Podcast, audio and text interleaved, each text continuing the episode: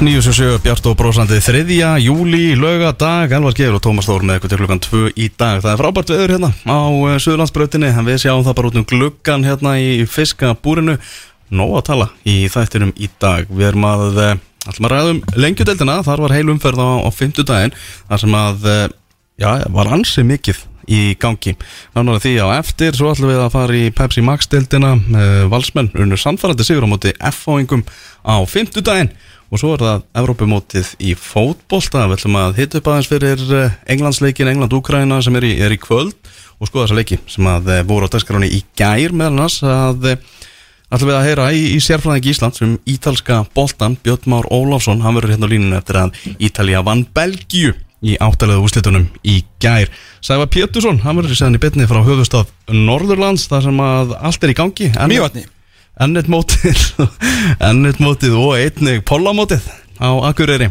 Og uh, allir meðan að sæða við sæðar um sölu uh, káamanna á Brynjaringa Bjarnasinni þannig að það er allt í gangi. Hvernig erst í dag, Thomas? Herru, ég er bara þrösu góður sko. Hérna, bara fýnd dagur í gær uh, svona náði smá happy og hérna og sól. Já, og sól, náði smá happy náði sér eitthvað aðeins að Kíkti á hérna krakkana á, á sportinu í gær í, í EM í gær uh, Jó, þú og Björnlinur Ég og Björnlinur, félagarnir Já, já, takk fyrir það. Ég hérna, átti að uppala að vera með Dóra DNA og þá hef ég miklar ágjörð því ég myndi ekki fá orðið sko því að DNA tala alltaf ekkert eðlilega mikið sko. Ég vann alltaf með honum eitt sumar og DFF 2010 held ég. Mm -hmm. og eina sumari sem ég bara alltaf sagt orðu sko, alltaf bara stoppar ekki maðurinn. Mm -hmm. en uh, ég hef eiginlega frekar kosið það heldur en að þurfa að sitja í Svo fara með hlinni sko, þetta er, þetta er óþægilegt fyrir hvert sem er að vera svona náltónum sko. Hann er svo glæsilegur Það er svo glæsilegur sko Það er ekki, er ekki margir sem komast upp með það að mæta bara í ból í svona sjó hann, sko. hann mætti jakka, Já. en hittin í þessu stúdíu eins og hefur nú sérst á sömum í gegnum hérna mótið að hann er uh, ótrúlegur Mhm. Það er ekkit eðlilega hittin í, í þessu annars glæsilega stúdíu þegar hérna, sportmanna sko Mhm. uh, Þannig að hann svona ákvað bara vera ekki í jakkanum Já. og fór bara, ég veist, var bara í einhverjum svörtum ból og var samt eins og eh, með hilljón dólarar sko. Heldur betur maður. Svo er nú bara langur lögadar hjá okkur strákunum Það er Blake Sleiknir, það er Tjekkland Danmörk Það er Ammali Kvöld Þú veist, þetta er, uh, svona, þetta er björt helgi sko. Já, eina sem er vond við þetta Það sem að, jú, það verður eitthvað gleði við völdi í, kvöld Já. og, og maður verður kannski eitthvað lítill í sér á morgun og vill bara vera upp í sofa og horfa á fótbolta Já. Það er bara ekki í bóði Það er bara, sko, dauða dagur í fótboltanum á morgun, sko Já, skrítið að setja ekki meira upp svona á þessu sunnundegi Akkurat þegar kemur, just annað hlið á EM. Já. Setni áttalegu náttúrulega í dag og, og hérna náttúrulega frábær leikur í, í kvöld þegar englendingin spila á þetta Tjekkland Danmörk líka mjög, mjög spennandi. En, en svona hefði mátt kannski aðeins einhvern veginn hugsa fyrir þessu. Áttur andur að vera kvöldleikur eða ekki á morgun fylgir háká sem mm. fresta vegna, vegna COVID-19 maður einhvern veginn held að maður þurfti aldrei að segja þessi orð aftur. Það væri COVID-frestun í Pepsi Max tildinni eða íslenski knaspinni en því miður þá uh, var flutt inn hér einhver glæsileg vera og, og fylgismennir að fara í, í sótkví mm enn en, enn gang til. Já, leikurinn settur á næsta föstu dag Birkir er búin að ráðuna þákað Aja, Under the Lights í árbænum Já, já, það er bara hugulegt Mhm. uh, Smá fréttir af uh, þriðja liðinu, dómurunum. Herri já, ég, ég heyrði þetta í gær. Já, Pétur Guðmundsson. Hann fór illa Hann fór illa, hann er bara meittur og vantarlega held ég út tímabilið. Hann sé bara ekki að fara að flauta meira á þessu tímabilið og þetta er risast og skarðenda Pétur, einn af okkar allra bestu og reyndustu dómurum. Já, ég heyrði þetta bara frá lauruglunni í Reykjavík. Já, það er svoleiðis. Já, að hérna, Pétur hefði bara farið illa í, í ökla hvort það var leiðbandið eða eitthvað og, Fór í aðgerð? Já, það er bara ekki sjensan það er meira á þessu leikti sko. Já, Því miður og bara ásku verður bara helst strax í, í Reykjavíkubikarn í janúar sko. Og vantar svo sannlega Pétur Guðmundsson því að það er ekkit margir sem að standa honum frammi ef einhverjir í dag sko. Mm, bara voru- vilja, vilja alvar mögulega það voru ykkur vangaveltur um það að þetta er hans síðasta tímabilið núna í sumar. Já. Og það er bara bannað að hætta á okkur aldrei að fara nótum, Nei, nei, það er ekki hann verið mættu næsta maður bara að drífa sig aftur á, á staðbytum minn Það er þannig. Heyrðu, byrjum á því að, að skoða hérna uh, lengjudeldina og það sem að uh, gerðist á fimmtudaginn í, í lengjudeldinni. Uh, byrjum bara þar á leik fram og grindavíkur. Það sem að uh, framarar hefðu geta sett eitthvað met þarna með því að vinna þennan leik. En fyrsti leikurinn, það sem að fram fagnar ekki sigri í deldina á þessu tímabili, uh, 2-2 enduðu leikar á móti grindavík og grindvíkíkar voru bara hreinlega stærstan hluta leik sinns betra lið á, á vellinum í, í samba mýri. Já, þeir eru svona, eða vera betri með hverju leiknum grítuvingar, þeir eru með hörku, þeir eru með hörku helvitislið, sko, það verður bara að segjast. Þeir voru, þeir voru góðir þegar þeir voru góðir á móti kórdrengjum þegar við fórum á, á Dómus Nova um, um daginn. Uh, og kannski aðeins og auðvitað þú þart svolítið að adjusta leikstíliðin þegar þú ert að spila móti, móti kórdrengjum því að þeir eru rosalega þjættir fyrir en þeir fórum það kannski mikið í þeir voru ekki að nýta rosalega mikið þessa frábæru miðjur sína. Þeir eru með ótrúlega hæfileikaríka og svona mikinn bolta í, í miðjunni sinni mm -hmm. með Sindra og, hana, og Frakkan og, og náttúrulega Tiago sem er algjörlega frábæleikmaður mm -hmm. uh, hérna Frakkin var að skrifa undir nýja samling Já, hann, mm -hmm. hann, er, hann er góður sko, hann er mhm. svona svolítið nettur og svona mikill bolti í honum sko mhm. þannig að eh, en, en maður sér alveg þú veist þegar boltin var að fljóta þar í gegn og síðan eru náttúrulega með uh, frábæra miðvörð og miðverði í, í Sepa og svo náttúrulega þess að Simons að skora tvö mörk í, í gær. Þannig að veist, þetta er, er hörkulið og þeir svona kannski þurfa aðeins að, að slaka á, á mörkum svona fengin, fengin ásegin eins og ég sá hérna rúlaði inn og í gegnum, gegnum svona það sem ég gata af þessum, af þessum leik og svona var aðeins að spóla þegar maður sá boltin var að fara á Díón uh, Díón alltaf leggur upp bæðimörkin í þessu leik. Mm. og uh, eins og öflugur og hérna hann eh, Haraldur er ungistrákurinn í vinsturbakurinnum hjá, hjá fram að þá veist, það hafa fleiri menn eh, sko ekki ráðið við Díón Jeremy Eikhoff þegar hann er veist, á, á svona degi mm -hmm. því að Díón, við sáum náttúrulega bara frábæru valsliði og lélugu þróttarliði að hann var þegar hann er óstöðvandi þá er hann óstöðvandi. Mm og hann, svolítið, hann var að komast í veist, og vel sett upp sko því að þú vilt alltaf setja upp stöðu fyrir Díón Jeremy Eikhoff þú veist í, í stöðunni 1-1 því að það er ekki breyka stoppan í sérstaklega ef hann er með nóg mikið pláss hann getur sparka boltanum kannski svona 3-4 metra á, á undan sér mm -hmm. að síðan bara eldir hann boltanum það er engin, engin sem að nærunum sko. Ekki hægt. Mögulega kannski ef einhverja var að byrkja má segja en, en hann alltaf spilar hinn um megin það skiptir ekki máli.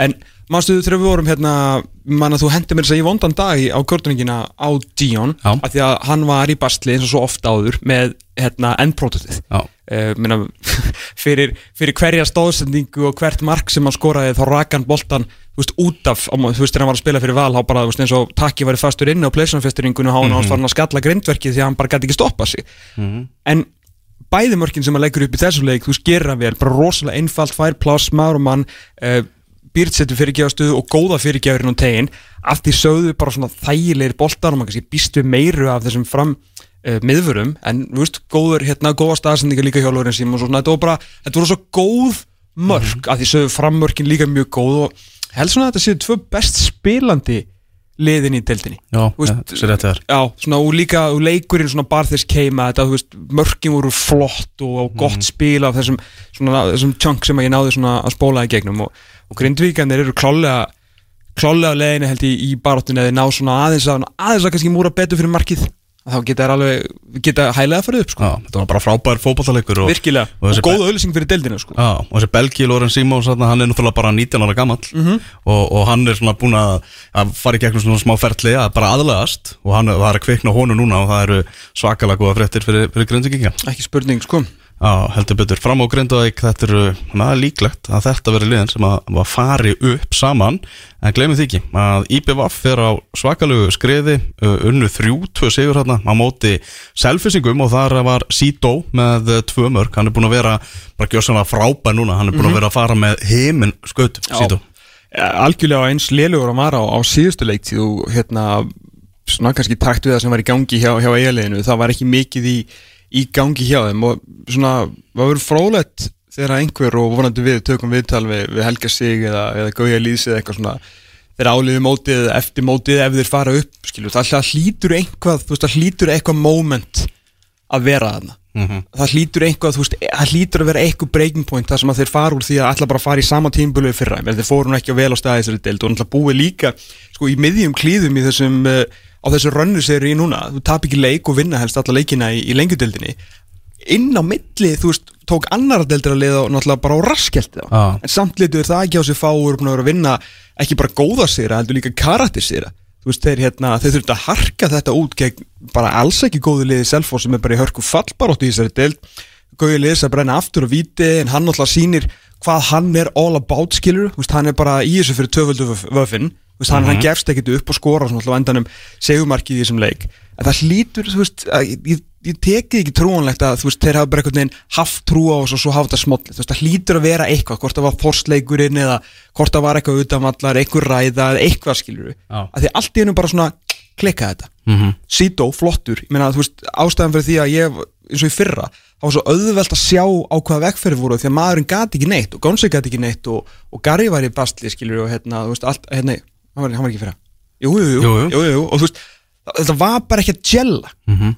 núna, þú veist, Sító skoraði þrjú mörg á svona fyrst tímbilín sko, næ, í næsta þessu delt var Sító skoraði þrjú mörg í 19 leikum hann er komið nýju í nýju núna og þar að vera sko, með mörg í, í svona góðum sigurleikum Gæti hafa hjálpað Sító, þú veist að bara Gary Martin er, er farin Ekki spurning, ah. þú veist auðvelt að segja þetta af mm -hmm. því hann er farin en þú veist auðvitað náttúrulega varð leikurinn og leikur þegar þú notar Gary Martin upp á topp þá verður leikurinn rosa mikið hérna kanalspörk. Mm -hmm. þú vilt náttúrulega setja hann svolítið þú veist í, í hérna í, í kanalinu og upp á hotfána og svona til þess að fyrir Gary Martin til að elda og tegja vördunni og kannski maður heldið að einhver staðar hefði myndast pláss fyrir, til, fyrir Sító til þess að hlaupa, hlaupa inn í því að það náttúrulega er rosalega þægilegt myndi ég held að vinna í, í kringum Gary Martin svo náttúrulega bara hættir ekki að hlaupa. En ég veit að ég, veist kannski bóltin aðeins meira á jörðinni náttúrulega með Guðjón Petur Lýðsson líka til þess að fyrir talað um góður fótballtamæður Guðjón Peitur Lýðssonir mm -hmm. og það segir mér engin að að Sító sé ekki að njóta þessa að hérna, vera með hann að stýra spilinu á miðinu því að þú kemur Sító í, í tækifæri hvort sem er síðan í teigi eða hlaup á mennið eitthvað þá er þetta náttúrulega hörku fótballtamæður og þetta er svona einn af þeim spánfurinn sem að ég myndi kannski segja væru hérna, við Gonza væri skilur Pepsi leikmaður. Kannski ekki high level en hann getur vel veist, spjara sig og gerði það náttúrulega bæði á fylki og Grindavík og svona sko mm -hmm. þannig að veist, þeir, eru bara, þeir eru bara on the up sko en með uh, þennan reynda markuður sem var kannski veist, frá, úr Gary Martin myndavelni þú veist úr bumbafagninu þá leitaði hann til að út fyrir að vera bara þú veist EM quality aukarspilna mm. en þú skoðar þetta hérna úr lengjudelt.is myndavelni að þá náttúrulega er Haldur Póllnast ég er búin að grípa bóltan sko ah. en einhvern veginn missar hann í, í slanna á inn með eiðarun í vörnunni og svona þú veist þess að það er alveg reynstaðna tilbaka. Þá myndi ég vilja fara að sjá þá kannski halda hreinu aðeins oftar sko og því ég held að þeir vilja klálega sjálfur en mm -hmm. það verður að gefa hérna, helga sig og, og bara allir sem standa að þessi kringum að, að það er ekkit auðvelt þeir eru búin að vera í rúnt árelvar bara mm -hmm. í bullinu sko. Algjöru bulli. Algjöru bulli. Og svo allt í hennu bara tapar ekki fólklæk ja. Samkvæmt veðbanka útastáttan fókbaltabútunetur í BF og Grindavík eh, talsverð líklegust í að fylgja eh, fram upp eða vera að berjast um það Það er bara, bara fleiri vopn heldur við kortringum Já, nánar að því á, á eftir en myndist á, á bumbufagnið hjá Gary Martin. Gary Já. Martin náttúrulega mættur á það aftur á Hásteinsvöld mm -hmm. til vestmanlega og var bara hent fyrirlega bandun á hann. Hann átti bara að vera stjarnar Eh, stjarnan í leiknum, Já. hann átti að mæta þarna í hendar hug eftir brottkvarfið frá vestmannum og um, þegar hann skoraði úr þessari aukaspitnu í þessu leik þá Já, tók hann bumbufagn, hann bara svona leka eftir bumbu og bent eitthvað upp í stúkuna. Og þessu var bara einfallega beint að eiganda í BVF að, að formanni knarspindur ás, Daniel Geir Moritz uh, greinilega Gary Martin ekki ánaður með við, viðskilnaðin við, mm. við við eigandan í, í þessu tilfelli og svona, já svona bara var að hæðast að, að vakstarlægi Daniels í, í þessu tilfelli. Uh, sem er, já, þetta er ekki vinsalt á árunni 2021 Nei, nei, alls ekki og, og, hérna, og hefði kannski ekki átt að vera vinsalt heldur á 1991 en, en það sem þetta er fyrir utan að vera, fyrir utan allt að kjánulega sem þetta er mm. og bara fyrir utan barnaskapin og og langræknina og, og, og perringin og veist, ég veit ekki hvað og hvað þá er þetta nummer 1, 2 og 3 bara sko A-klassa farmistæða í að kveikja í brú. Það er nummer 1, 2 og 3 sem þetta er sko veist Ég held að Daniel Gil Moritz sem er náttúrulega fyrirhundi finnast um að Íslands og kannu alveg meta góðan bandir, þetta er náttúrulega alls ekki bandir, þetta er náttúrulega bara ljótt og leðilegt en, en ég held að hann sofa alveg yfir þessu. Hann gera það, Skilur, ég, ég, ég, ég þekki Daniel og veist bara hann er vinnu minn já, já, og það er einhvern sem hefur húmor fyrir sjálfum sér já. og ég veit það, hann bara hlóða þessu. Veist, en það er bara, bara non-issue í þessu raun og veru af því að hann beinur saman sem getur tekið þessu -hmm. og, og Daniel veit alveg að var kannski alltaf vona á einhverju þar sem hann alltaf fer í ekki góðu, ég menna, þetta er bara, bara kæra og vesen, sko. Mm -hmm. en þú veist, maður hefur heyrt af því og þú veist, þetta er byrjt á allra ábyrjana, maður hefur heyrt þetta úr allavega 2-3 áttum að svona að Gary hafi nú alveg haldið góð sambandi við einhverja leikmenn í BF af því honum þú veist leið vel aðna og gert vel við hann alveg þar til að þetta leiðilega atvið kemur upp með, með strákir sem hann, sem hann tók mynd af. Mm -hmm. en veist, og, og, og hvort sem það sé sattið ekki að þá stóð hann sér alveg ágætlega fyrir IBF og ég held að hérna þú veist, þeirra Riki Fellur og allt það og það er skiptum stjórnir í Íslandski knaspinu eins og nærbúksu skiljur, það getur vel, þú veist dyrna voru ekkert lokaðar held ég aftur fyrir, fyrir Gary Martin til eiga, það er mhm. engin mm. þjóðbálkur í ættbálkur á, á Íslandi að fljótur og fyrirgefa mistök og eigamenn sko. mm -hmm en þarna tók hann bara bensín og kveikjara og bara kveikt í brunni sko. Og mér líka bara, veist, þetta er hálf vandraðilegt hann er, veist, hann er ekki beðal markaðastu manna í, í deildinni. Uh, komið núna fjögum mörg, bababa eitthvað. Mm -hmm. uh, og er að spila fyrir Selfo sem er núna einu stíð frá fattsæti og það er bara ekkert að frétta eila hjá selfisingum og það er mér finnst bara ekkert spennandi eila við þetta lið. Nei, nei, sko, þú veist, og það er kannski ekki eitthvað garri að kenna. Og nei, hérna, nei. auðvitað er náttúrulega líka það sem að gerir hann af þessum góða fókbaltamanni og þessum mikla karakter sem hann er. Er, þú veist, þessi skiluru, þessi biti á aukslinni sem hann spilar alltaf með, þú veist, hann er alltaf einhvern veginn að spila til að sann eitthvað, hann er alltaf þú veist, hann er eini framherri sem ég hef séð gegnum tíðina sem er mjög duglegur á minna á það hvað hann skorar mm. en það skiptir einhver málið, það er alveg rétt hjá hann hann er einhver mest prúfin markaskórir sem við hefum séð á bara síðustu, síðasta áratug ah. en hann er alltaf að spila með svona smá, skilur, chip on his shoulder smá, smá axlarbita mm -hmm. Er svona kannski máli búastu svona, mér finnst bara, það er kannski sem fór ég eiginlega í beregu sjálf með að tala um að vera skiptu stjórnina ef að þú veist, ef að Daniel og kemur, veist, einhver að þessi stjórn og hann hættir og hann selur félagið þá getur hann kannski alveg komið afturfattari en eins og ég segi að bara hann er tröppugangurinn liðarlega úr að vera Íslands og byggamestari með K.R. fattur eftir að hafa farið úr Ía og skilur fyrir síðan í hérna, fyrir Viking og enda síðan í lengjudeldinni í liði sem alltaf sér upp. Þar og núna komin í fallbaratu þannig að tröppugangurinn liðarlega síðan, ekkert spilanlega kannski hjá Gary Martin, er niður á við og þá er kannski ekki sniðut að vera að eh, kveikja í einhverjum brúum hér og þar sko. Alls ekki. Herruðu, fjölunir kórdrengir endur 0-0 uh, Ég held að svona flestir hafa bara spáð þessu leik Já, það er bara, að, það var engin úrslit sem er dættið að mikið í hugið þessum leiku 0-0 uh, Fjölunir sem er búin að skora bara tíu mörg í deildinni sem er afskaplega lélegt, það er jafnmörg mörg og Vikingur Ólásvík er búin að skora. Og, og þeir eru með afskaplega lélegir. Já, þeir eru náttúrulega því það eftir. Uh, og uh, kórdrengir, þeir eru með búin að skora 13 mörg, þannig að svona 0-0 er ekkert er ekkert haka í gólf með þetta sko. Nei. og uh, það er nú fréttir, vondar fréttir fyrir stuðningsmann Kórdrengja því að Börlei er búið að kalla markurðin Lukas Jensen tilbaka og hann var þarna að spila sín síðasta leik. Mm -hmm.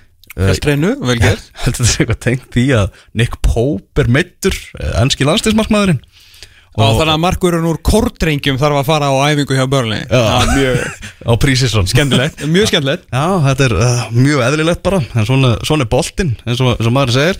Þannig að þeir eru bara í markmannsleit núna, kordrengjir og, og spurning hvort þeir bæti í appi líka við eitthvað þarna fram á við, hjá sér. Ég sko ef þeir allir í alvörunni að hérna taka þátt í þessari toppartu þá þurfa það að fá markverð á, á pari við, við Lukas allavega, þú veist, ég veit ekki hvort að það sé hægt en þeir eru með góða tengingar uh, út, þannig að þeir þurfa allan að fá markur sem er, er nálagt svona gæðunum sem að, að Lukas Jensen er og þeir þurfa eitthvað, eitthvað fram á við, hvort það sé, sé eitthvað tíu eða hvort það sé skorandi kampmaður eða bara framherri til þess að, bæti ég, þeir eru samt með náttúrulega mjög skemmtilegt framherri að dúa í, í Conor og Alberti, hvort sem að þeir vilja spila Conor upp á topp og, og loftónum eða vilja reyna að setja Alberti gegn og láta hann, þú veist, tegja vörnunni eða láta að vera saman í að bylja, þú veist eins og við vorum undir lókinu mútið grindavíkun daginn. Uh, þannig að þú veist, kannski þarf það ekki en þeir þurfa alltaf eitthvað, þeir þurfa fleiri mörg mm -hmm. það er alveg klart, þeir geta verið í barátunni en ef þeir alltaf verið í barátunni til síðasta dags uh, og ekki verið að myndi að gera svona, svona jafntefli og veist, ekkert að því fyrir kortringi að gera jafntefli fjölni í gráinum sko fjölni er bara búin að vera einhverja 6-7 sísón í efstu deilt á síðustu 10 árum hann er bara mjög flott hjá þeim mm -hmm. en hérna En þeir eru svona, þeir eru aðeins brótættari þegar kemur að stigarsöfnun heldur en til dæmis IBF og, og Grindavík. Ah, Þannig að sóknar, svona einhver sóknar þengjandi leikmaður sem getur skilaðum, skilur einhverju þrýr, þrýr, þrejum mörgum, þrejum stóðsendingum, þeir eru alltaf að halda hreinu á móti eru mm -hmm. frábælega skipulaður og góðið tilbaka, en þá þurfa líka markur sem að tekur svona skot eins og þeir eru eins og Lukas hefur náttúrulega verið að gera sko. heldur betur, en hvað með fjólusmennina þeir eru að síga neður töfluna. bara skellur þetta að hóra á þetta. Ah. og þeir eru bara búin að vera mjög liðlir í mjög langa tíma. Hræðilegir í Að að fyrir að að verjast vel og, og fá ekki þessu mörg og meiri segja sko, var Baldur með í þessu leik? Bara, já, já, ok, liðið umferðnar Já, ok, hann var góður, ok og hérna, og hvort sem hann var einhvern ekki með um daginn og þá voru líka að spila ágættis, ágættis varnarleik, þannig að þetta er svona alveg bara svona ágætlega að fungera uh, þeir eru ekki að hverja búin að fá svo mikið? Uh, Þeir eru búin að fá á sig nýju mörg tíu nýju en markatal Já, ok, nýju mörg Þeir eru með undir markileik þannig að hérna, þetta er, þú veist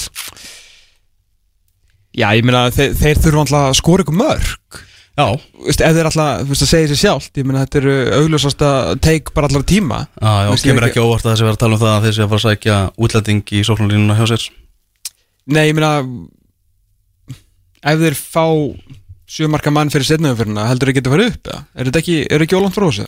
Ég held að og bara þú veist með að hvernig skriðið er á bæði Grindavík og IPVF, það verður bara mjög erfitt að, klungrast upp fyrir þið Já, maður ég, við erum bara að tala um svona tvo þætti og tvo yngjöstum það að gróta sér svona það lið sem að uh, að myndi sjá Pepsi Max dildaliðin sæk í því að þarna eru tvei, þrýr spennandi strákar mm -hmm. og þeir náttúrulega eru að gera ekki neitt, er reyndar eru þeir komnið það neðalega grótum en þeir eiginlega bara að fara sko þeir eru komin í hina áttina ah. að þegar Gústi ofna lýsaði yfir að það varu meilungslið þá svona samar ok, þeir eru ekki fara upp nýja niður og þá er, væri mjög auðvelt að týna af þeim Pétur Teodor og Kristofur Orra og okkur og þannig leikmenn sko. Mm -hmm. að, hérna, en nú eru bara komin það neðalega að þau kannski verður bara stressaður að, að missa það og þó maður reikni kannski mjög mikið með því að Pétur, að Pétur fari. En, en þá er góð punktur hjá, hérna, hjá Hjörvari núna í vikunni með, með fjöllismennina að þeir eru orðið það sem gróta var fyrir svona þrema vikum síðan.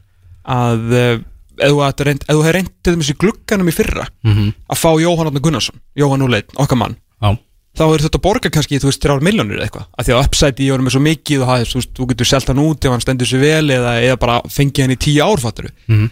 en núna er hann ekkert búin að gera vonbreiði, algjör vonbreiði hann er búin að vera mikið vonbreiði og þú veist, það er bara allt í læg þú veist, stundum er bara allt í læg að vera vonbreiði ef þú ert vonbreiði, þá þýðir það að þú ert búin að setja þakkið á hverju hátt. Nákvæmlega, og fyrst, ert unguleik maður Já, ég menn þú, fyrir strákfættan 2001 og við erum að tala um að setja vonbreiði í ykkur liði, það þýðir það að einhverjum árum og undan, mm -hmm. þegar þú ert 17, 18, 19 ára gammal þá höfum við talið það góðan mm -hmm. að veist, þetta er alltaf leið, það koma dýfur hjá ungu leikmennum Satt. en hann er klálega leikmæður og mér finnst það góða punktur að höra að taka hann núna mm -hmm. eða þú ert eitthvað stafar svona mid-level Pepsi Max liða, ég er vel ofar þú veist, af hverju ekki bara valur þess að ná í hann og hérna, hann getur vel að spila áfram með fjölni, ég er ekki að segja það en þú veist, bara að ná í hann núna á meðan verbreyðin eru ekki alveg veist, upp í þakki mm -hmm. af því að þetta er, þú veist, hæfileikarnir eru óumdildir Þú veist, þú veist, þú fyrir viking eða fylki sem hafa verið að ná í svona unga leikmenn, svona klálega straukur sem að uh, Pepsi Max tildalegin ætti að skoða og meðan hann kannski kostar ekki mikið auðvitað. Mm -hmm.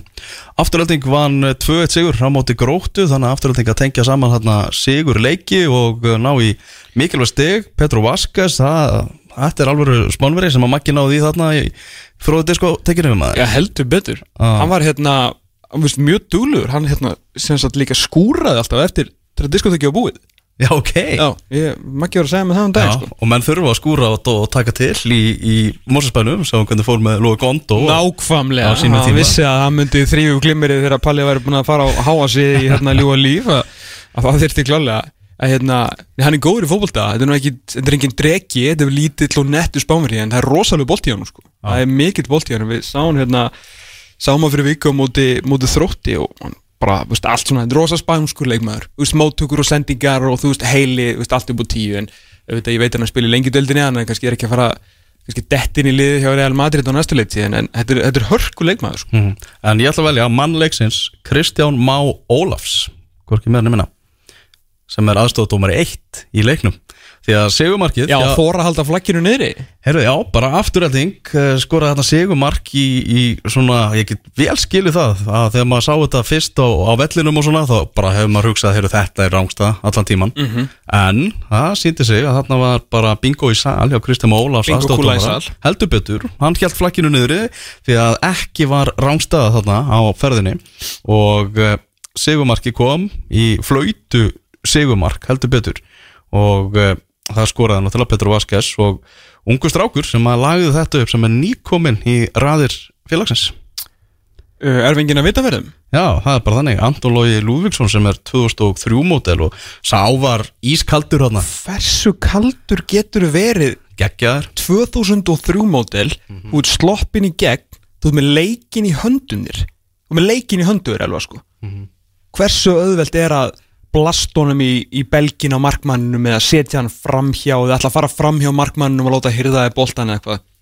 Hann bara beið beið, beið svo aðeins lengur beið eftir að sjá hvað gróttum markmannin ætlaði að gera og svo bara einföld tveggja metra sending til vinstri og bara easy tappin fyrir Petro for the win. Já, í fyrsta sinni afturhaldingabúningnum kom inn og sem varamaður bara nýkomin og á láni frá breyðabliki og bara virkilega vel gert hjá honum. Á frábælega gert maður. Og síðan fekk eh, í kjölfarið þá fekk Kristján Már Ólafs heldur betur guðsutnar yfir sig frá gróttumönnum. Já. þeir alveg trilltust Ég ánar allan að sjá að var, þú veist, passjón í þessu grótunni Já, já. Ef þeir hefðu ekki tekið á 94 mínútu þú veist, Ég er ekki advokata fyrir því að menn fari sko átta aðstóðdómarunum og séu bara með ógnandi tilbyrði En það hefði verið mjög auðvilt fyrir það að bara setja hausin í, í hendurnar og hausin er í bringu og bara öð Skilur, en þeir, það var þó allavega þetta. Já, Kristofur Melstað fekk hann raukt og, Það var þetta ekki kannski í sneiðtjón nei, og Gaur hann í þjálfar Brasel, Bredin, Já, aðstofað þjálfarinn. Í markmannstælurinn Það er markmannstjálfari Já, hann, er bæðið ég vil já, hann fekk hann að líta, líta rauðarspjaldið og, og spjöldin hafði vist getað orðið fleiri því svo mikil var reyði gróttubanna sem hafa segðan fengið smá svona kjánarhóll þegar sáu það að þetta var bara bingo í sal hjá manni leiksins Kristján Má Ólafs aðstofdómar Já, vel gert Já. og, En náttúrulega afturlendingu spila þarna manni fleiri líka? Já, algjörlega. Var komið þarna rauðspjald á, á bombuna. Arnar Þór Helgason fekk mm -hmm. rauðspjald í fyrirháleik og afturhalding með mikilvæg sigur. En, þetta, þessi, þetta gengi fjölnis og gróttu núna liðana sem voru uppi. Sko, hvernig þau voru í efstu deildar síðastu leiktið og eru núna að þetta er ekki þetta er ekki gott á sífi hjá Gústa og Ása Arnars. Þessum annars miklu toppmönnum sem hafa gert góða hluti með það sem að þeir hafa verið að svona verbriðin í þeim svona síðustu mánuði hafa hríðlækað Já, við vorum að tala um það að, þú veist, fjölun er að síga niður töfluna gróta bara í frjálsu falli Ég meina þú veist og hafa bentu við höfum enga trú á því að gróta væri í baróttunni, maður held bara þeir eru í femta sæti. Mér finnst það bara mjög eðlegt fyrir þetta gróttulið Mhm. og það er margir og, og við meðal annars búin að benda á það að þetta er ekkit breytingin á liðinu frá því sem að fór upp og spilaði efstu deild er ekkit mikil sko, það vantar Axel Frey og eitthvað. Mhm. en þetta er lið sem að vann næsta efstu deild fyrir tveimur árum sko. Og var í efstu deild á síðustu leiti og það er komið í fallbaróttu í lengjutleðinni Það er rosalegt. Þóra 1, Vestri 1 uh, ekkert óvænt við, við úslitin þar en náttúrulega úslitin sem allir eru að tala um í þessari umferð. Víkingur Ólásvík 0, Þróttur 7 Tvö næstu liðin að mætast. Uh, lélegasta lið deildarinnar að móti því næst lélegasta samkvæmt töflunni. Allavega er ekki hægt að mótmæla því að Víkingur Ólásvík er langlélegasta lið í þessari deild. Tapa 0-7 svo kemur tilkynning frá Úlsarum í gær. Gunni Einar sem að sagði bara ég er bara reynilega bugaður í viðtali þarna eftir leik sem var bara svona tilfinningaríkt viðtal við hann. Sem hann sagðist bara elska samfélagið og hafa mikla trú á sjálfum sér að þetta væri í alveg Ólasvík eða bara samfélagið í Ólasvík Já. en hann er bara horfin á braut og þetta bara gekk engan veginn hjá honum þessi tilraun hans og félagsins að svona alltaf fækka útlendingunum fá einn unga leikmenn og, og eitthvað bara gekk engan veginn upp. Algjör, algjört horror, algjör martruð bara þetta tímabil hjá Ólsurum og náttúrulega falla út á móti því ennur lélegasta liði þriðjuteldarinnar í beigarnum svo kemur þess 7-0 tap á móti þrótti sem að hefur ekki verið að gera neitt í þessu móti. Og þegar þú tapar svona veist, þá er bara eru leikmenn bara bregðast þjálfarunum bregðast klúpnum þú veist það er ekki verið að leggja sig fram þegar þú tapar 0-7 á, á móti þrótti sko. Ég held því miður að, að ég held því miður að þeir eru að leggja sig fram sko. þeir eru bara ekkert eðlilega liðlir shit Nei, ég meina þú veist mörkinu þessi hérna, þú fram, tapar ekki 0-7 bara ef þú leggur framan af leik eins og þessi hérna, þryggja mínútna og 33 sekundna þrenna hjá Cairo Já, þetta er allt úr skyndisóknum sko. Já. þeir eru bara nú, passa sig sko, noti ekki óstór orð þannig að enda allt í fyrirsögnum eitthvað staðar sko. En þeir eru bara, þeir eru vandræðilega lélegir sko. Þeir eru ógeðslega nú þeir eru bara á pari þetta er bara Völsungur 2013 Tindastól 2014 og Víkingur Ólasvík 2021 bara verstu lið sem við höfum séð í SLD og bara verstu lið í sögun næstastu deildar. Ég bara sko Svo hver uh, leikmaður er núna? Bara að uh, stökka frá borði flýja sökvandi skip. Já, bara eðlilega, þetta er bara dögt og grafið dæmi og þeir náttúrulega bara þurfa að fara niður í aðraddild og, og bara endurskipulega sér alveg sem þeir gerðu á sín tíma. Mm. þegar þeir fóru í hérna í post Eyjúb í fyrraskiptið og, og Malakitti tók við þeim og það gekk ekki ínum eftir, góða byrjun, erum fyrstu tvo leikina hann fekk viðtali þessum þætti og við erum ekki leik eftir það held ég sko, ja. að hérna við jinxuðu aðeins fóru niður, þú veist, náðu í hérna, spilaðu sínum strákum og uppkomu Brynningutti og Þorstin Már og allir þessi strákjar sko, og Brynning Krismins og ég dýk hvað og hvað. Uh, og það skilaði maður endanum í efstu del sko, þegar náðu aðeins að endurskipa líka starfi og ég bara í, í Guðvanabænum ekki vera eða ykkurum penningum í í eitthvað, veist, allt í lagi að ná í einn og einn sko bara til þess að þeir verði allan á samkjöfnisæfir þannig að veist, hver, hver umferð eru bara hver fær stígin þrjú á móti Ólasvík mm -hmm. það er bara ok, það er þó reynda sangjant að allir ellifu, sérst allir ölliðin í dildinni fái bara gefins þrjú stíga móti þessu hróttalega slaka fókbaltaliði en, þú veist, já, ég bara reynið að spara eins og ég getið og, og svona endur skipulegi ykkur í, í, í sétildu næsta ári, sko. En hvað tekur við þessu? Er það Brynja Kristmundsson, það verður ekkert sleigjast um þetta jobb en mm. ég, en ég menna þú veist Jú, af hverju ekki? Þú veist, bara þú veit að nákvæmlega hverju gengur þegar að fara inn í næstöfstu delt það er 100% örugt mm. Skilu, þetta verður ógæðslega erfitt og leiðir þetta núna fram í september Það er alveg bara vin, að vinna svona bara 1-2 leiki, þú veist, þá ertu bara mm, ok Ég bara vera ekki, fara ekki í völsungs tindastólthópin að vinna ekki leik, mm. skilur þú uh, nýta bara tíma til þess að sjá hverjir, hverjast, hvaða stráka þú ættir að, að nota í, í næstustu delt fara bara að undirbúa strax einhver hérna, útlendingakaup fyrir næsta tímbil finna einhverja gæði sem þú getur veist, þessar, þessar, þessar langtíma útlendinga mm -hmm. Edokara, Turudia þú veist, svona stráka sem þú getur komið og, og bara reynda, sem þú sérð fram á það þú getur sett inn í samfélagið og búið til ólasvíkinga úr, mm því að þannig virkar þetta, þú veist, aðtöða hvað er að gerast á grundafyrir, hvað er að gerast á neist næfellnátt að hætti kefni, þú veist, bara svona nákvæmlega það sem þeir gerðu þegar þeir fóru niður. En auðvitað, arkitekturna því er í Garðabæ. Þannig kannski er þetta óhugsandi það sem ég er að segja en þú veist, ég bara mér, veist, og, og það er alltaf spennand að þjála Ólasvík því að þar vilja allir fyrir þig allt gera fattur, þú veist, þetta er alveg veist, þetta er gott samfélag og þú veist, það er metnaður og það er, veist, það er passjón fyrir fólkbóltanum frábært fólki kringum félagið. Frábært fólki kringum félagið og kannski, þú veist, það er ekki allt hægt aðna en þú farið alveg slatta þannig að ég held að starfið, þú veist það er alveg ég, það er ekkert að því að þjálfa Viking Ólasvík í, í setild. Bara ljómund finnst starf. Já, ég er þegar eh, Þóraldur Siggesson getur verið á, á blæði hann hann náttúrulega þekki það að vera hjá félagi í, í krísu.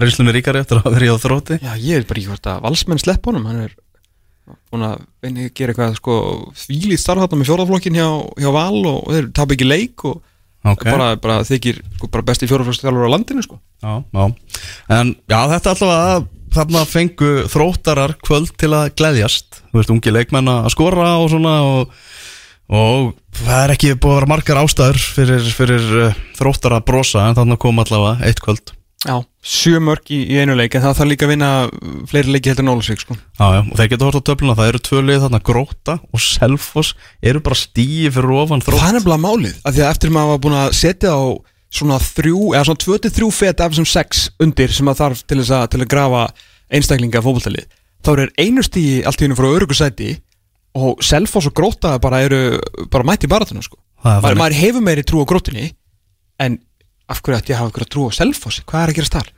ekki neitt. Sástu varnaleikin hjá þeim í þessum mörgum og yes, yes, og vöð minn almáttur uss, uss, uss. og strákurinn hérna, en ekki Þorstein Tólvan Já. sem skora hann að brála geggjamar sko. Hann, hann reyð ekkert við á hann að vinstana með sko. Já, nákvæmlega. Þannig, þannig fór hún En, en bilamark? Já, alveg afskaplega, afskaplega fallet mark. Eh, Annar markið hjá eh, Nei, það er Aron Einarsson sem að skoraði annar markið. Já, sorry. Já. Það, það er rétt, Já. hann er eh, fættið 2002, sástrákur, virkilega fallet markið á hann Herðu, við ætlum að ræða um Pepsi Max deildina, hérna rétt á eftir, við ætlum að ringja til Akureyrar meðal annars.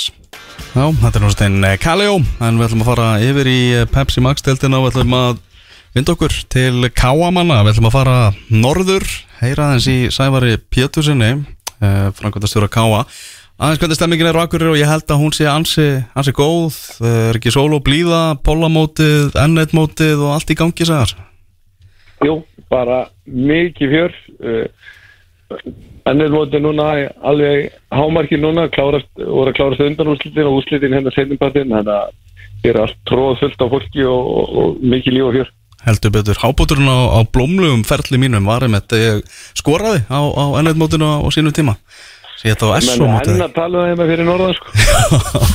Sett hann hérna á móti hugin frá, frá Seyðisfyrði Ég held að þeir hafa verið með hund í liðinu og alls konar sko. Menn hljóta ennþá að vera að tala um þegar ég var í tvær vítasputun í sama leiknum í úsluleiknum með sjöndasetti á móti fram. Það var rosalegt.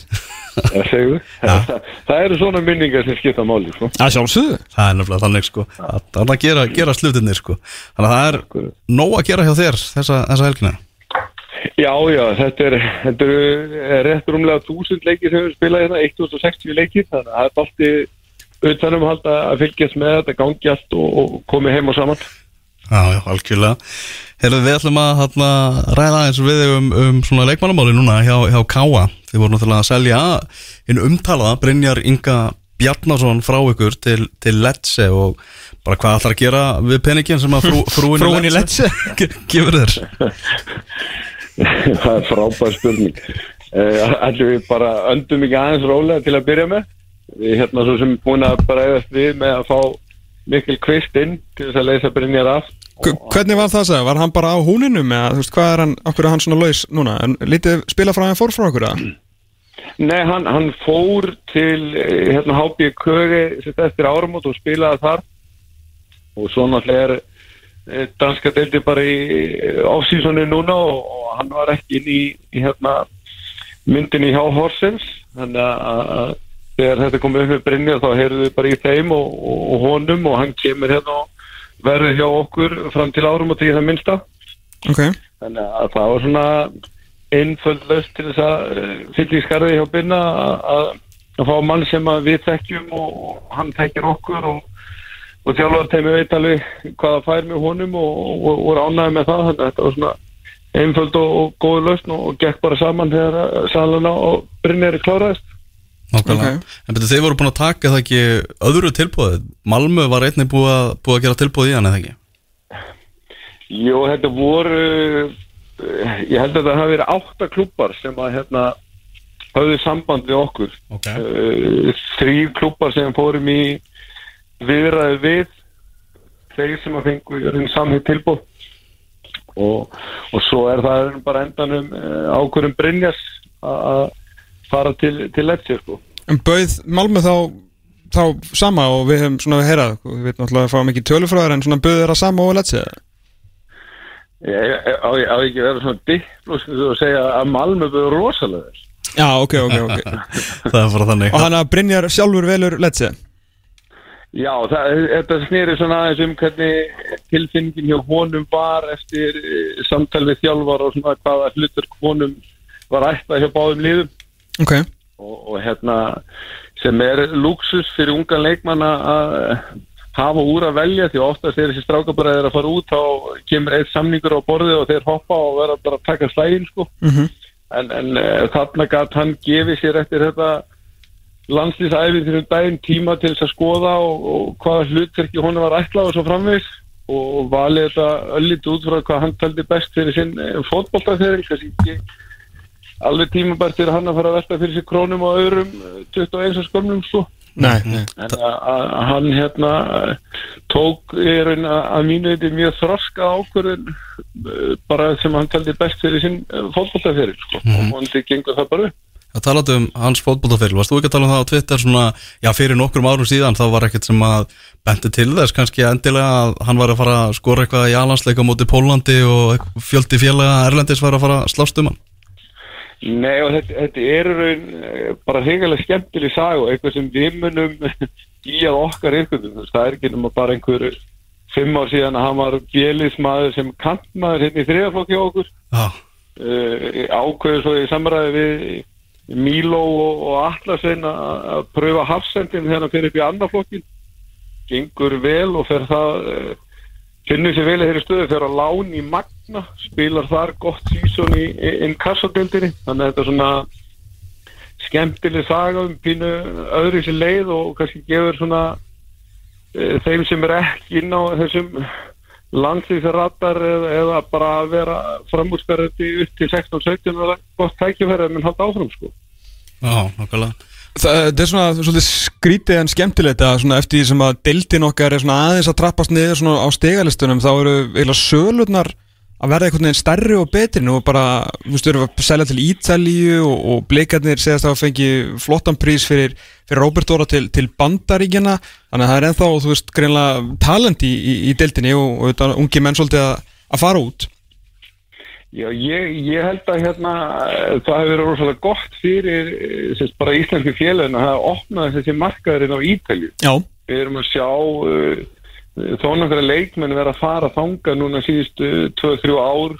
Uh, Salana og Róbert Ára er náttúrulega í gegnum Ítars félag. Emitt, emitt hún, hún kemur í gegnum samstarf þar sko. Mm -hmm. þannig að hvað er kannski svona markaður og opnast fyrir uh, íslensku strákana sem er, er spennandi og raun gerir okkur sem erum að reyka íþjóttafélagin hér heima miklu uh, svona það gefur okkur fleiri opsjón því að oftast var það nú bara þannig ef eitthvað liði í Skandinavi vildi fá leikmanna þá hoppaði hann bara á það og við sátum eftir að raun með ekki neitt. Eh, þannig ertu komið með annað opsjón sem að menn eru tilbúin að láta okkur alltaf að fá eitthvað fyrir og það kannski hjálpar okkur þá líka í viðræðan við klúpan í Skandinavi að að hýfa þá öllitið upp því að við erum að sjá að þessi strákar eiga möguleik inn í e- e- Evrópu ánægst að þeirra alltaf fara ekki með Skandinavi fyrst sko. Ég meina, getur þið ekki núna hérna, bara svona aðeins sendt hérna bara reply með bara svona grenjur hlátri emoji þegar þessi hérna norsku 7 miljón krona tilbúður að koma ég meina, meina ítalarnir 200.000 eurur, 100.000 eurur, 150.000 eurur skilur, þetta er engin, þetta er ekki peningu fyrir svona alvöru meilands klúpa skilur og þetta Nei. er það sem að leikminn eiga að kosta Já og, og, og það sem er kannski líka þú veist að vera skemmtilegt eða, eða já, jákvægt við þetta í, í þessum samlingum í Ítali að þú ertir með miklu fleiri addon möguleg þar. Þú veist, oftast þegar þú hefur að semja við Skandinavi þá færður um bara já, hvað ég segja, þú veist, nánast eina uppvæð og svo, þú veist, fína, fínt sellon. En Ítalandir er ofta að bjóða eitthvað við, þú veist, fyrsta leik 20 leiki og svo 40 leiki og svona eftir einhvern ferilinn hjá leikmann þróar En ekki, ekki á, ekki á kostnað veist, ekki, ekki á kostnað skilur uppáðsgreifslunar sem er náttúrulega verist vera al, alminleg betri uppáðsgreifslunar en svo gætur henni verið kannski að þú veist, fá alltaf tvöföldun á sölun á næstu 5-3 árum. Ah, Flott maður. Þannig að það er gríðilega mikilt fyrir okkur veist, að, að eiga gullurót ef að leikmannin gengur vel sko. mm -hmm. að þá fá við ölliti meira fyrir það ekki bara veist, ef menn skildur selja sko. ja, það er bara líka ef að verður veist, eins og tökum bara Brynjaringa til dæmi hann gerir samningu við, við Letsi sem gæti orðið 5 ára samningu sko. mm -hmm. og þá eigum við bara mælstóns á leiðin ef hún gengur vel en það verður kannski ef hann enda svo bara 5-8 ár hjá saman félaginu þá fær aldrei neitt sellon sko. Nei, en einn samt alltaf eitthvað aðeins að tekja inn fyrir velunni störf sko. Já, veist, mm -hmm. og, og það er það sem er svona opnastælið nýtt með þessu markaði sem við erum að fá þarna á, á Ítalíu sko. Og náttúrulega er raun og verið kannski ómyndalegt í það því að Íslands félag verið kannski ekki að selja menn á einhver staðar undir 200.000 eurur veist, árlega að eiga þetta inni bara eins og, eins og Andri fannar, ég minna fyrsta mínútan hans fyrir Bologna var, þú veist, reportið 100.000 eurur sem að, þú veist, duttu þá bara inn til hérna 50-100.000 eurur sem að duttu þá undir blíkana kannski ekki á tímbili sem þeir seldu einhvern annan, þannig að þú veist, þetta er svona semi eins og selja bara annan leikmann þessir, þessir mælstón, sko, þannig að þetta getur fríkala mikilvægt fyrir félagin og blíkanir hafa verið okkar, okkar færastir í þessu. Þegar og og er nánast komið það marga unga strák í dag það er nánast eitt sem er að tekja inn á hverju ári inn í einhverja nýja samninga úti og þá er virkjast ákveði í samningu hjá þeim sko sem er bara virkilega vel gert. En þú ert með þjálfara Sævar, sem að hérna, metnafullur og frábær. Og það er fyrst, fyrst og fremst búin að gera uh, flotta hluti með þetta fólkleikar þeir eru í, í alvöru Evrópusjans, jafnvel, Beikars eða titilsjans, en ég menna þú veist það er alvöru Evrópusjans uh, það segir mér enginn að hann sé ekki inn á skrifstofu hér núna að, að leita einhverjum, einhverjum leikmennum sko því hann vil nýta hann á peningu og styrkja þetta lið því að ef þú bætir í og hann er erurbúrsætti þá fóðið meiri pening sko. Já, en, sko allir þekkir náttúrulega þennan heim eh, hann hefur bæðið sildið í mínusætti og svo hinnum með borðið. Og spilað. Hvernig þetta funkar, já, og þekkir hann eiginlega full vel fyrir mig sem frangundastjóða að, hérna, en þú veist við svo sem við vorum alltaf að gera ráð fyrir því að taka bara í okkar ekstra að taka eitt leikmann inn í júliklökanum mm -hmm. þannig að við erum svona aðeins að skoða hvaða möguleikar eru fyrir hendi þar en uh, mikil kvist kemur sem er hann lausn á, á því að við sem að missa að brinja mm -hmm. þannig að þjálfarn er eitthvað að skoða hvað er í bóði og hvað er hægt núna og svo þurfa þeir þá að selja mér þá hugmynd þegar eh, einhvern einhver nöfn eru komin á blað hjá þeim en þeir eru vantarlega að skoða sín hóp núna og, og vilja fá eitthvað líkt blóð til að stuða hann aðeins. Er það ekki tískan í dag vilja alltaf stuða hópin sín aðeins þegar glöggin opnar? Jú, jú, jú. Langt best bara að fara að bræða það með eitthvað vilja stuða hann mikið sko. Hérna er þessi leikmaður komin og hann ætlar að stuða ykkur. Það er þannig Heyrðu þarna Það er bara partur af þessu Það er náttúrulega K.R. á, á mánudag en það er hveðjuleikur Brynja að synga hendur þetta að hann hveðja hann akkurat þegar Dúsan er í, er í banni í, í þeimleik Þa, Það var algjör tilviljun Það ekki? Nei Aðeins að býða með að fara út. Það var bara þessum fyrir okkur að geta ræðin að Dúsan fór, fór í banna að þá náðu við samkomulega við Ledge og Brynjar að hann tækir þennan leik bara. Og Theodor Elmar náttúrulega komin í K.R. og, og spila þennan leik Já, hann var lofaði að hann verið með.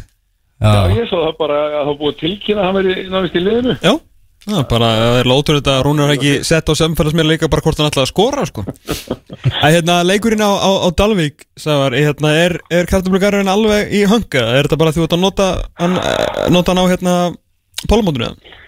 Nei, það, það er við notum ekki þann sluta vandvæði sem er í, hefur verið vandamáli sko. við notum tvo þrýða völdum og það er þessi einn þrýði vandvæði þannig fyrir framastúkuna sem hefur verið vandamáli síðust ár mm -hmm. Og, við hefðist í það fyrir tveimur vikum uh, þá var eiginlega bara gefist upp og þá var í raun tekið hlutur úr vellinum og bara uh, breyna og sett högur yfir að nýju okay. og, og það er þurfa svona einhverja dagi viðbútt þannig að uh, bara fótbóltans vegna þá var rétt við káeringarna og bæði félag samfélagum það það verið öllum til heila og miklu skemmtilega spilat á Dalvik heldur en að -hmm fara að hlaupa þannig gegnum 150 fermetra nýluðum sökum sko.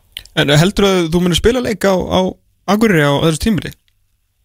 Já, ég fann að vona það að hérna Akureyravöllur eða Greifvöllun hefur verið fyllt við fyrir okkur undan farin ár mm -hmm. við viljum gera það og við viljum að sjálfsögur vera með fólki okkar hérna öll okkar mesta virðing á Dalvik og, og hjálpuna sem þeir að veita okkur. Mm -hmm. okkur vantar samt bara 300-500 manns á hvert leik sko. Já, já, og, og það er fyrir villisingi sem þarf að borga allar reikningina þá munar að lögna það sko. Þannig að þú er bara og ældanum viljum við líka við sjáum það alveg að þú veist krakkarnir okkar er að mæta miklu minna á leikin út á Dalvik okkar, veist, þannig að veist, það er erfitt að segja þeim að láta mömmu og pappa kæra sér í 30 minn til þess að fara á fólkvallaleik Já, og leiðilegt náttúrulega akkurat að liði er, er þetta flott og gangar svona vel að kannski að færi sjá eða? Já, það, við erum í raun, uh, þú veist, og þetta er bara líka, þú veist, eh, því það ekki helvið, þú veist, það eru um, umfjöldin liðið og góða umfjöldin, þá bara fjölgar áhörundunum. Þannig að við viljum komast aftur á okkar völd bara sem fyrst og, og, og við erum ekki að vona það að þessar 30 gráðir sem er áður þess að þannig sé að gera stöð fyrir grassi. Hérna, en hvað er þetta, er þetta að skila einhverju í barátunni fyrir gerðugrassi einhver staðar, hvort sem að sé hjá ykkur eða á greiðavöldinu eða eitthvað, bara þetta náttúrulega lítur ekkit eðlilega ítla út fyrir það sem að ráða þarna, sko, þá er ekki meina káa heldur akkuriri. Nei, nei, sko, það var núna í, hvað, tvær auku síðan að þá var raun samþýtt hérna í deiliskypuleginu breytingin á káa sem við erum svona að býða eins eftir og samþýkja með því stúku og nýjan völl hérna upp frá hjá okkur. Mm -hmm. þannig að við erum svona gera okkur vonið um það þegar pólitingin kemur núna úr uh, sumafrí að við getum farið að sittast niður og gera samningin um uppbygginguna og bara farið sem fyrst í, í það í það minnst að koma upp vellin þannig að hann verði bara kláruð fyrst að þekki verið Ok, ok Super. Þetta er að mjagast í rétt átt. Ekki spurning, Sævar Pettersson frækastur í K.A. bara bestu kveður í, í, í sólina, uh, norðan heiða og bara gangur allt í hægin á, á mánundagin, við hljóttum að heyra síðar. Ok, takk, takk. Herri saman, bye bye Bye bye Sem bye. Já, Pepsi Max deildin Valur vann 2-0 sigur á móti FA núna á 50. kvöldi þar sem að bæðmörki kom í setna háleik Sigur Egil Lárusson sem að kom val á bragðið og svo var það Sverri Páll Hjaltesteð sem að slapp einn í gegn og skoraði sitt fyrsta mark í Pepsi Max deildin á þessu tímabili. Þessi Ja.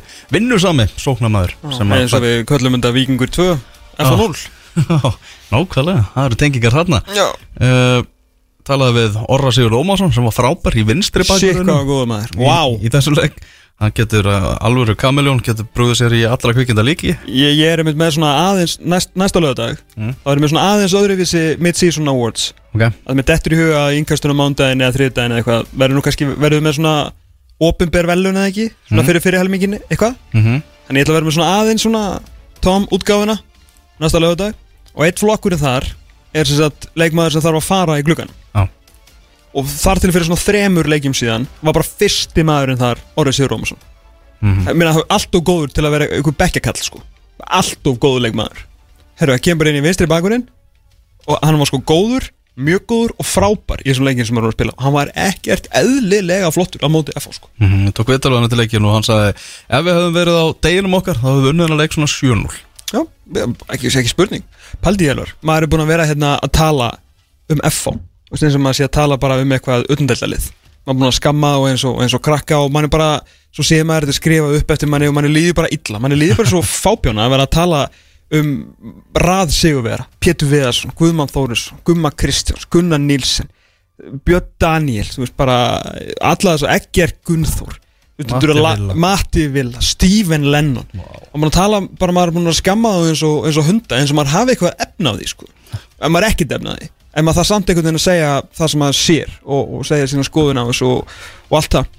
Hérna, en eh, maður er samt fundist þetta skrítið en þeir eru að láta þetta skilið því að þeir eru það lélegir að þjálfarinn maður reikinn sko. Já, en síðan svona komast undir moment það sem maður er svona ok maður kannski maður var ekkert e, kannski erfitt að hafa rétt fyrir sér í þessu hérna hvað var það þetta F-hólið því að þeir náttúrulega ekki búin að vinna fótbollaleiki ég veit ekki hvað lengi og hafa bara orðið lélegir og lélegri þú veist fínir á móti K.A. násand ekki úslita móti hérna tíu K.A. mönnum þar þráttur að Brynjar Ingi Téður hafi gert það sem hann gat til þess að reyna að láta F.O. vinna leik en allt í góðu þjálfari F.O. kemur í viðtal eftir hennar leik ég sá ekki viðtalið við hérna á .net en ég sá viðtalið hérna að hann kom í setti til Kjartans og, og Óli Jó mm. nei og hérna Gumma Gulli Jóns Óli Jó kom og þar bara saði Óli í raun og veru bara í, í mörgum en samt fáum orðum bara staðfestir raun og veru allt sem að allir ekki bara við þú veist, hvort sem þessi pessum að stúkan eh, doktorinn eða, eða við að hverju sem eru bara að tala um þetta efalið þú veist, Óli Jó var bara í sjokki Mhm. eftir hennar leik. Mm -hmm. hefur þú síð Óla Jó segja bara að fyrsta setningin út um munnu oss var bara, við áttum ekki breyk Já. og í hvaða heimi á fimmleikafélag hafnafjörða sigur sérsta liðið bara á, á okkar tímum í þessari deild síðast sérsta liðið bara á, á öldinni. Hvernig á það ekki séns í einhverjum fótbollleik og þetta var hár rétt hjá hann Valur var sko, það voru nokkrum þrepum fyrir ofa það og það er rétt, ef þeir hefði nýtt færin aðeins betur að þá hefur unnin leik miklu starf Mhm. F.A. í þessum leik var dottistundum í sex manna varnalín sex manna, bara til þess að reyna að stoppa val það er ekkert mörg ár síðan að F.A. mætti bara á hlýðrenda og dansaði kringu það og vann á bara þeim dattaði hug sko auðvitað hafa, þú veist, bólinn hafa snúist í íslensku fótbolta og nú er valur eh, þú veist, það sem F.A. var fyrir kannski ykkur um 5-6 árum, fattur mig, og allt, allt í góð með það en, en mölurinn á hann svo gigantiskur Já, hann er hann svo svagalur og í markinu, fyrra markinu sem hann valur skora í þessu leik þeir eru sex manna vartalínu þeir eru sex að horfa á boltan þeir eru sex sem standa í línu og horfa á kitta. Það er ekki lifandi sála í F-fóliðinu sem að gerir tilraun til þess að stoppa kitta hann fæði bara pingunum yfir á hérna bakurinn. Þóri á hann greiði settur í ykkur stöðu sem hann kann ekkert að spila. Hann er miðjumæður sko. Og Siggi Lár vissulega með, með luxus slút Matti Villa, bara veist, auðvitað flottur þegar hann taka hann á kassan og svona. Stephen Lennon, algjörlega rúin sjálfstöðust, það er ekki, það skiptur engum máli hver fyrir baki á hann með hvað, hann bara svona einhvern veginn limpast niður og, og hverfur, Allt á næstu því hjá Jónatan Inga. Alltaf næstu því og þeir eru bara, já, og þetta var svona kannski einhvers konar uh, staðfesting á því sem allir eru búin að segja um, um FH, þegar Óli og komand og sagði bara, við hefum land í land við basically getum ekki neitt uh, menn bara það er ekkert sjálfstöðstina og veist, við þurfum leikmenn og við áttum ekki breyk Já, það er ekki pyrrandi fyrir unguleikmennina á bekknum. Að vera, þú veist, bara sama hver, hversu ítla gengur hjá FH þá eru alltaf bara það eru þessi reynslu boltar og nöfnin sem fá bara tröst til leika til leika til leika Ekki spurning og þú veist Lógi var komin og langt með þetta. Hann átti fyrir löngu verið að láta einhverja þess að stráka fyrir leik ég skil alveg ó, að því að síðan kemur Ólin Ah. og auðvitað þarf hann að byrja að reyna að trekja nöfnin í gang. Já, hann ætlar að sína það að hann getur komið þeim í gang. Já, allan að gefa þeim sens og Björn Daniel, þú veist, hann var alveg ágætur framan af þessum leik, skilur, hann gerði allan það sem eitthvað gerist fram á við, var, var Björn Daniel að gera eitthvað? Setur Gummi upp á miðju og sem að meika miklu meira sens og hérna síðan alltaf var Gumman og og Gummi ákvörðum basli á svona köplum í þessum leik Mhm. en núna þegar hann er búin að koma í þetta viðtal og segja bara við gátum ekkit og áttum ekki breyk og, og allt það að nú hljóta þessi strákar að fá okkur mínútur Já, hvað á, hvað á Vúk að gera í 20 mínútur í hverju leik þegar leikinu næstu búnir já, hann er ekki bara að fá eitt byrjunisleik Nei Og, og þú veist, Oliver Heiðarsson menn hann verður að fara aftur niður lengjudöldin að fara að spila Mhm. Hvað er hann að læra þarna? mm -hmm. Þannig að ég, það verður fróðald að sjá hvaða leikmenn er þetta og hvaða, þú veist, hvað er planið og projektið? Liðið er rosalega gamalt Þú veist, ég ætlar Óli Jó að vera maðurinn til þess að vera þarna í nokkur ár og, og, byggja eitthvað upp og svona, að þeir voru komnir á þess að vekk fyrir að reyna að fara yngi bliðið en það bara yngist aldrei upp að því að það spilar engin ungu maður nema Þóri Jóhann eitthvað aðna framan af og, og svo sem hörður yngi sko.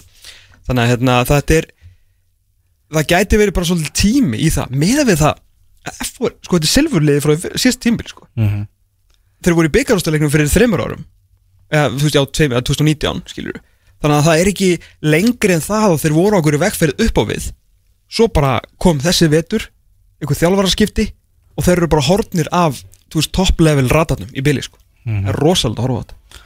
Já, þetta var rosalega vonduleikur fyrir en við verðum að að að góða með fengu, já, réttilega gaggrinni fyrir það að skemmtarnagildið var ekki nægilega mikið en þeir voru skemmtilegir í, í þessum leik, það vantaði ekki. Hei, og það voru allir on. Já. vandaði Haug Pál vantaði Palla, vandaði, vandaði besta framverðin í dildinni vandaði topp 3-4 miðjumann í dildinni og bara leiðtóa liðsins. Leiðtóa bara hlýðarenda Haug Pál Sigurðsson skipti engum máli. Mhm. þeir voru algjörlega stórkostlegir og það var eiginlega af mörgum góðum. Orri Sigur var mjög flottur. Mhm. uh, Birgir Már, góðu líka heinum henni í bakgrunum, ótrúlega Power Rasmus í þessum leik, setti svolítið tónum með góðum tæklingum og svona, Sepa náttúrulega alltaf Sepa, en það var eiginlega þegar maður hérna, horfði á þetta sem ég aftur lit leikin rúla þarna en ég var eitthvað í tölunni í ger Ó, Kristi Ferri Sigursson er er einhver betur en hann svona í, á miðjunni og, og bú eitthvað til fram á við þegar hann er bara er Kristinn Freyr. Og líka bara allt annað bara, bara allt finna annað, svæði, fá boltan, leit upp menn þú veist að kraftur í honum, hann brýtur hann sparkar aftur í menn þegar þú veist þeir eru að sleppa frá honum hann er svona hann er eiginlega, hann hann er nánast að hann detti í vannmatt sko. skilur, þú veist það er bara það er allt, það er ekki talað um hann lengur þegar það verður eitthvað að minnast okkur að bestu leik með deildarinnar en svo spilar hann svona leikið svo hann út FA og hann var bara, wow, wow Kristinn Freyr sko. Já, nákvæmlega Herðu það að byrja að leiki núna klukkan 2 Við ætlum að fara í kópáina eftir og sjá breyðablík og leikni Hegast við, Tómas Mikkelsen, hann er hann að mættur í, í startið hjá, hjá blíkunum Mm. uh, Engin binni hlöða í eh, liðinu hjá uh, leikni Og Sævar Alli Magnússon byrjar á bekknum. Þannig að það eru bara tveir Þannig að þessi, þessi sigur á múti vikingi var svo mikilvægur að því að fara inn í tvö, tvo leiki núna fyrir ekki. Valur alltaf besta leið á landinu og, hérna allt í góðu en í svona í párangröðinu fyrir þar er þetta kannski breyðablík káa vikingur ish. Mm, og þeir áttu þess þessi eftir hvað voru búin að tapa þremur leikjum í ekki leiknir fyrir vikingsleikin Jó, að þeir þurftu úrslitur á öðrum góru leiknum og af því að þeir gerðu svona vel á múti vikingi að þá er alveg, þú veist, allt í lagi. Ég vil kannski ekki nota orðið tanka en án binna og sævars í, á Kóbói í Kóbói fyrir ekki, á já ég er ekki búist að flugöldarsýningu frá leiknismönnum sko. Binni meittur náttúrulega og Sævar Alli tæpur sko. og búin að vera meittur allt mótið.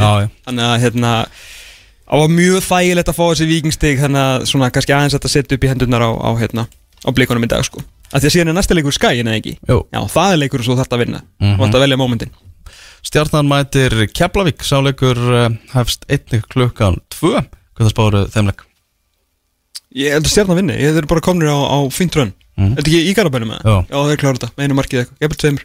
Þorvaldur Átnarsson, hann er mættur aftur Þeir, hann var að dæma eitthvað í lengjunni byggar eitthvað um daginn, ég sá hann. Já. hann komast aftur á lappir, það er hrikalega mikilvægt í ljósið þess að Pétur er átt ja, hann er að taka sem fyrsta Pepsi Max leik á þessu tímabili núna. Frábært. klukkan 2 frábært.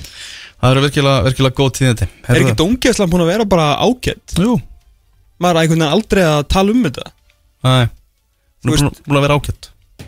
Formaðurinn sko það fekk svolítið, hann fekk pillur eftir hérna Háka Breiðablík, Egil Arnar.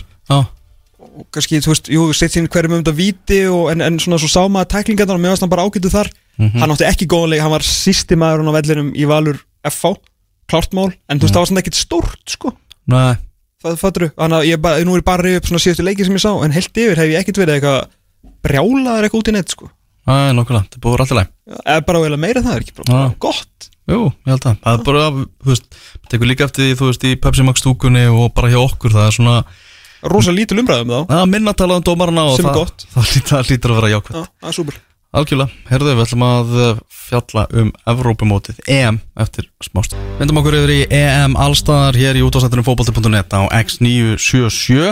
Áttalega úrslitin, þau eru farin af stað með pompi og prakt. Spánverjar, Tómas, þeir lendu í vandræðum með Svistlendinga, fór allavega í vítaspindukjarni og menn voru ekki mikið fyrir að skora mörkin í þeirri kjarni. Nei, það er ókyslega sniðut sem að, hérna, sem að spænska liði gerði að vera ekki með David G. í markinu að hérna, sérstaklega í vítaspilnu keppninni að uh, Una Simón alltaf var að kjöla frábærana en svona vítaspilnu hjá Sviss ekkert en ekki alveg takti við það sem að voru múti, múti frökkum það sem að voru virkilega virkilega góðar og það voru að, hérna, að gefa svisslendingum það að í nýjundu tilraun á mm stórmóti frá því að svona í nútíma fótbolta þar sé ekki, þeir fóru síðast upp úr eh, lengra heldur en svona úr fyrsta útsláttaleik á HM 1958 í Svíþjóð ef ég mann rétt en síðan þá hefur liðið aldrei uh, farið lengra heldur í 16 leikúslitin hvort sem að þeir hafa mætt með ógeðslega leiðileg lið sem hafa verið að verjast eða stundum er þess að ágættis fótboltalið sem hafa skorað eitthvað mörg eins og held ég HM 2010 frekar en 2006 að þá hérna unnuðið fyrir frakka í reylakefni og bara veist, voru með fínasta lið og svona. Uh, gerði vel búin að henda heimsmeisturunum heim en komið að uh, já, komið þeir að leiðar lokum já, svislendingunum og spáverðinir spáverðinir verið góður á HM Katar Ok, ég, það er svona, það er örli spáið mín að þeir voru góður þar. Eftir eitt og hálft ár. já, ég held að þeir eiga bara eftir að vera betri betri með þetta lið sko. Heldur betur, leikurinn um kvöldið var séðan algjör risa slagur þar sem efstalið heimslistans eh, Belgia mætti Ítalju sem að margir dottið á Ítalju vagnina á þessu móti. En einn maður sem hefur alltaf stýrt þeim vagni er Björn Már Ólafsson, sérfræðingur Íslands um ítalska boltan, ert ekki hæst ánaður með þetta ítalska landslið á, á mótinu Björn? Jú, ég er það. Það var, Tutto bene bara á allir vinnir maður er bara rétt að vakna og, og ná sér eftir þetta, gerðkvöld, sko. Heru, þetta var, uh, ef, ekki, ef ekki fyrir uh, mjög soft viti þá var þetta nú alltaf fótballtaleikur ítalinni voru bara miklu betri Já, þeir voru það sé, miklu betri í, í, hérna í fyrirháleik og það komur þetta óvart hvað þeir voru óhrættir inn í þennan leik. Þetta var, um, ég hafði svolítið svona áhyggjur af þessu, af þessu belgíska liði. Svona lið sem ég held að myndi svona mattsa illa upp gegn Ítalíu. Þeir voru náttúrulega með rosalega hraða hérna í, í Doku sem að startaði þetta svolítið óvænt Mhm. uh, í staðin fyrir Eden Hazard sem og Gasettan hlóa til bróinu Já, þeir, þeir vissu nú alveg að hann var alltaf að fara að starta sko, voru búin að lesa það einhvern veginn en hérna, Hazard byrjaði ekki og Carrasco byrjaði heldur ekki í staðan fyrir hann eftir umulega innkoma hans hann að gegn Portugalum, þá fekk Doku sensin og hann var alltaf lang erfiðasti leiknaði belgaði í þessu leik og, svona þeir ætluðu ekki að keira svolítið á hann á vinstri kantinn sinn, þess að tæri bakur Ítalju sem átti í smá basli með hann og hann veit að ferða að víta hann á Doku en annars öðru leiti fannst mér Ítalegin bara díla mjög vel við þessar hættur uh, belgana. Kjelíni náttúrulega kom aftur eftir meðsli og var með Lukaku í vasanum allan á stórum, stórum hlutaleiksins mm -hmm. Og hérna, já, bara mættu óhættir hérna leik og bara komið mjög skemmtilega óvart hvað er einhvern veginn höfðu líklar áhyggjur og jafnvel komast þannig 2-0 með tveimur frábæru mörgum í, í fyriráleik um, og jafnvel þó þeir fá þetta, þetta víti hann á sig í, í lóksennalis, nei fyrirháleik þá, þá breytir það litlu, þeir treysta bara því sem þeir að gera trúa því að þeir geti múra fyrir. Þeir, þeir, þeir kunna það að standa á einn teig og skalla frá og, og díla þeir ekki að þannig að þeir það er bara fekalega flott framist að og mjög, samfærandi fannst mér. En uh, einar uh, mjög vondar fréttir að uh, spínandið í veistri bakarunum Leonardo Spinat Sola búin að vera klálega bara í liði mótsins hinga til algjörlega frábær en hann spila ekki meir. Já, hann er með slitna hásinn og hérna, já, ríkalega fréttir og hérna, bara líka fyrir mig sem stjórnum sem að Róma, þá er þetta bara lett að heyra. Ákvæmlega, uh, sérstaklega að það hefur verið mikið að gera hjá varnamörnum Róma að náttúrulega litið það sem að Mourinho alltaf mætur Já, Mourinho mætti til Rómari með tíkar og mikinn fagnuð í, í borginni. En hérna, jú, þetta, þetta er ræðilegt fyrir Ítali og, og sérstaklega því að eins og sást í gæri með að spila og Ítali byggir rosa mikið á þessu vindrikant Sinja köttar inn og, og Spína Sola kemur í ólættið og það að missa hann, hann er alltaf rétt fættur líka hann er, hann er svona öðruvísi vinstribakurur það getur held ég raska sóknarleiknum svolítið mikið og ég, ég veit ekki alveg mann síni þarf nú eitthvað að fara í, í teknílbókin og, og svona, reyna að komast að hvernig hann ætlar að leysa þetta. Þeir eru með vinstribakur uh, Emerson Palmieri frá, hérna, frá Chelsea mm -hmm. uh, sem er sennilega fyrsti kostur inn um, en hann er svona öðruvísi leikmaður örfættur og svona hérna, ekki kannski öflugur og sóknarlega og spínað sóla og hérna það, það verður erfitt því að eins og ég, það spili gekk, gengur rosa mikið út á vinstrikantinn ég síni köttar inn og leita síðan á fjærstökjuna þar sem að, að Kiesa fekk takkifæri í gær mm -hmm. starta mikið á bekknum og þetta átti góðan leika eins og flest allir á Ítalíu. Það, það voru aðalega hérna eins og hæri bakkurinn til Lorenzo sem átti basti með sinnan og fekk lagstu einhverna á samt uh, í móbíle framherðanum sem átti líka heila bara alveg umhullegan dag á, Ítalíu. Þetta var uh, ótrúlega að hann hefði fengið að spila þessar 70 mínútur og það hefði ekki verið tekið út, af fyrir því að það gekk ekkert upp í honum í gerð sko. Og eins og í, í fyrsta markið sem Ítalija skora þá er hann á meðan liggjandi sko, að byggja um víti mm -hmm. með einhvern náttúrulega leikar að skapa á meðan markið er skorað kannski, kannski hjálpa aðeins til að hann er bara verið að trubla leikmenn á meðan Þetta er ekki bara besta sem hann gerði í leiknum? Já, kannski, já, kannski var hann slutverk en það var reyngarlega þetta í gæri en hérna, og svona hef, þessi framherjast að Ítalíu er svona stór spurningamarki fyrir móti og það hefur alltaf sloppið hinga til með, með flottir í líðsvæmistuð en, en í móbilið var ekkit það var ekkert að leikin eh, það var ekki að hækka hlutabriðu nýjónum allan núna í, í þessum leik en, hérna, en hann er, er dúlegur að vinna samar þannig að ég held og svona aðeins mér er svo aði í honum heldur en hinn er kostinni sem er á bæknum þannig að ég held að hann munir samt svo sem byrja í næstu leiki Er, er fár á Ítalíu núna eftir hennar leik? Hvernig voru fórsýtnar í morgun? Já, já, ég, það er mikið stemning og, og hérna, bara út um allt og sérstaklega líka gaman fyrir Ítalja að Lorenzo Insigne sé farin að hérna, þeir sem taka í landslýstreginni eh, eins og talaði maður, hann er hann er frá Napoli, það sem ítalska landsliði hefur ekkert alltaf verið sérstaklega vinsæl og hérna svona af einsum ástæðum, en mm -hmm. og hann er líka leikmaður sem hefur átt að til að svona tjóka svolítið í stóru leikjónum uh, bæði með Napoli og, og svona líka landsliðinu líka en það að sjá hann kvæta hann inn og, og, og setja hann í fjær, þú veist ótrúlega tilfinning sem hann er með í þessum hæri fæti sko, það er, einhver, það er fleiri en þetta hann heldur en bara þetta í tingukomunum á, á vönnleiri mannesku sko, mm -hmm. bara ótrúlegt, ótrúlegt skot og hérna, og það er hrigalega gaman að sjá hann og, og hann er búin að vera frábæra á þessu móti. Og hérna, það var gaman að sjá hann fara allar leið og við sjá, sjá mynd, myndbönd þarna frá Napoli í gær og, og það var allt á, á fullu þar og fólk sáttir og svona virðist þeirra mikil meðbyr með landsliðinu og, og, mm -hmm. og eins og það, það eru, þetta er leiðseldir sem er að skapa þetta og það er það er það sem að svona uh, þessi, hérna fær fólk til að hérna, snúa hérna bökum saman og fær svona allt landi til að, til að taka þátt í, í gleðinni það er, mm. það er, svona, það er, það er mikil samhælni í, í liðinu Hvaða leikmaðurna verður keftur núna eftir mót? Hver er, er það bara rella? Þú veist, er hann að fara á eitthvað 60-70 miljón punta sæn eða hvað, svona, hver er, hver er líklegast til að fara eitthvað, eitthvað starra með fötru veringu fyrir, fyrir Serie A? Já, sko, ég meina, Donnarumma náttúrulega er, er búin að skrifa undir ja, og hann átti frábæra leik í gær, síti það sem á leik og búin að sína það sem móti hvað hann er góður, góður sérstaklega sjálfstopper, sko, mm -hmm. mjög samfærandi í gær. Um, já, ég meina, Barella, þetta er alltaf bara COVID held ég sem er að stoppa þetta, ég meina, no. flestir hann eru, eru í liðum sem þeir geta alveg verið í áfram, sko, en það er kannski mm -hmm. alveg mitt, já, Barella, ég meina, Di Lorenzo hjá Napoli, mér veist hann, ekki sérstaklega í gær, en mér veist hann góður bakverður og mm -hmm og alveg leikmaður sem að ég sé fyrir mér að geta farið í, í, í ennstara lið en, en Napoli. Locatelli er, hvað er ekki Arsenal og Juventus öttrunum með? Jú, ég held að Sassu Olomen sé bara uh, getið lægandi, bara veljandi á milli hvert er vilja að selja hann sko, ekkert býður hæst. Uh, því hann lítur að fara og hérna, og mér að byrja arti líka Sassu og ef að tóttir hann hafa orðaði við hann uh, hérna, hann er leik, ekki leikmaður sem hefur reynst að því að spila fyrir stort lið og er orðin svolítið, hvað er orðin 27 ára gammal mm -hmm. og ef hann vil fara þá væri það rétti tímin að fara núna en hérna, já, bara hrigalega margir góði ger en svo út af þessum meðlum að spina svo þá verður einhver rótýring hann að fyrir um, fyrir næsta leik gegn spannverðum í undaráslutum og þá er annarkort kemur Emerson Palmieri inn eða þá að hérna Bastoni komi að vel inn í, í vinstriðbakurinn sem að hefur að spila hafsendana hjá Inter, mm -hmm. okkur og mjög efnilegur já, getur verið að hann komið inn vinstra megin og þeir þá mm, ítið þá frekar hægri bakverðin upp og hérna, og að hann þá komið meira þá inn. Hann, hann er með fína löp líka og getur alveg list uppspilið þannig í, í bakverðin og hérna, já.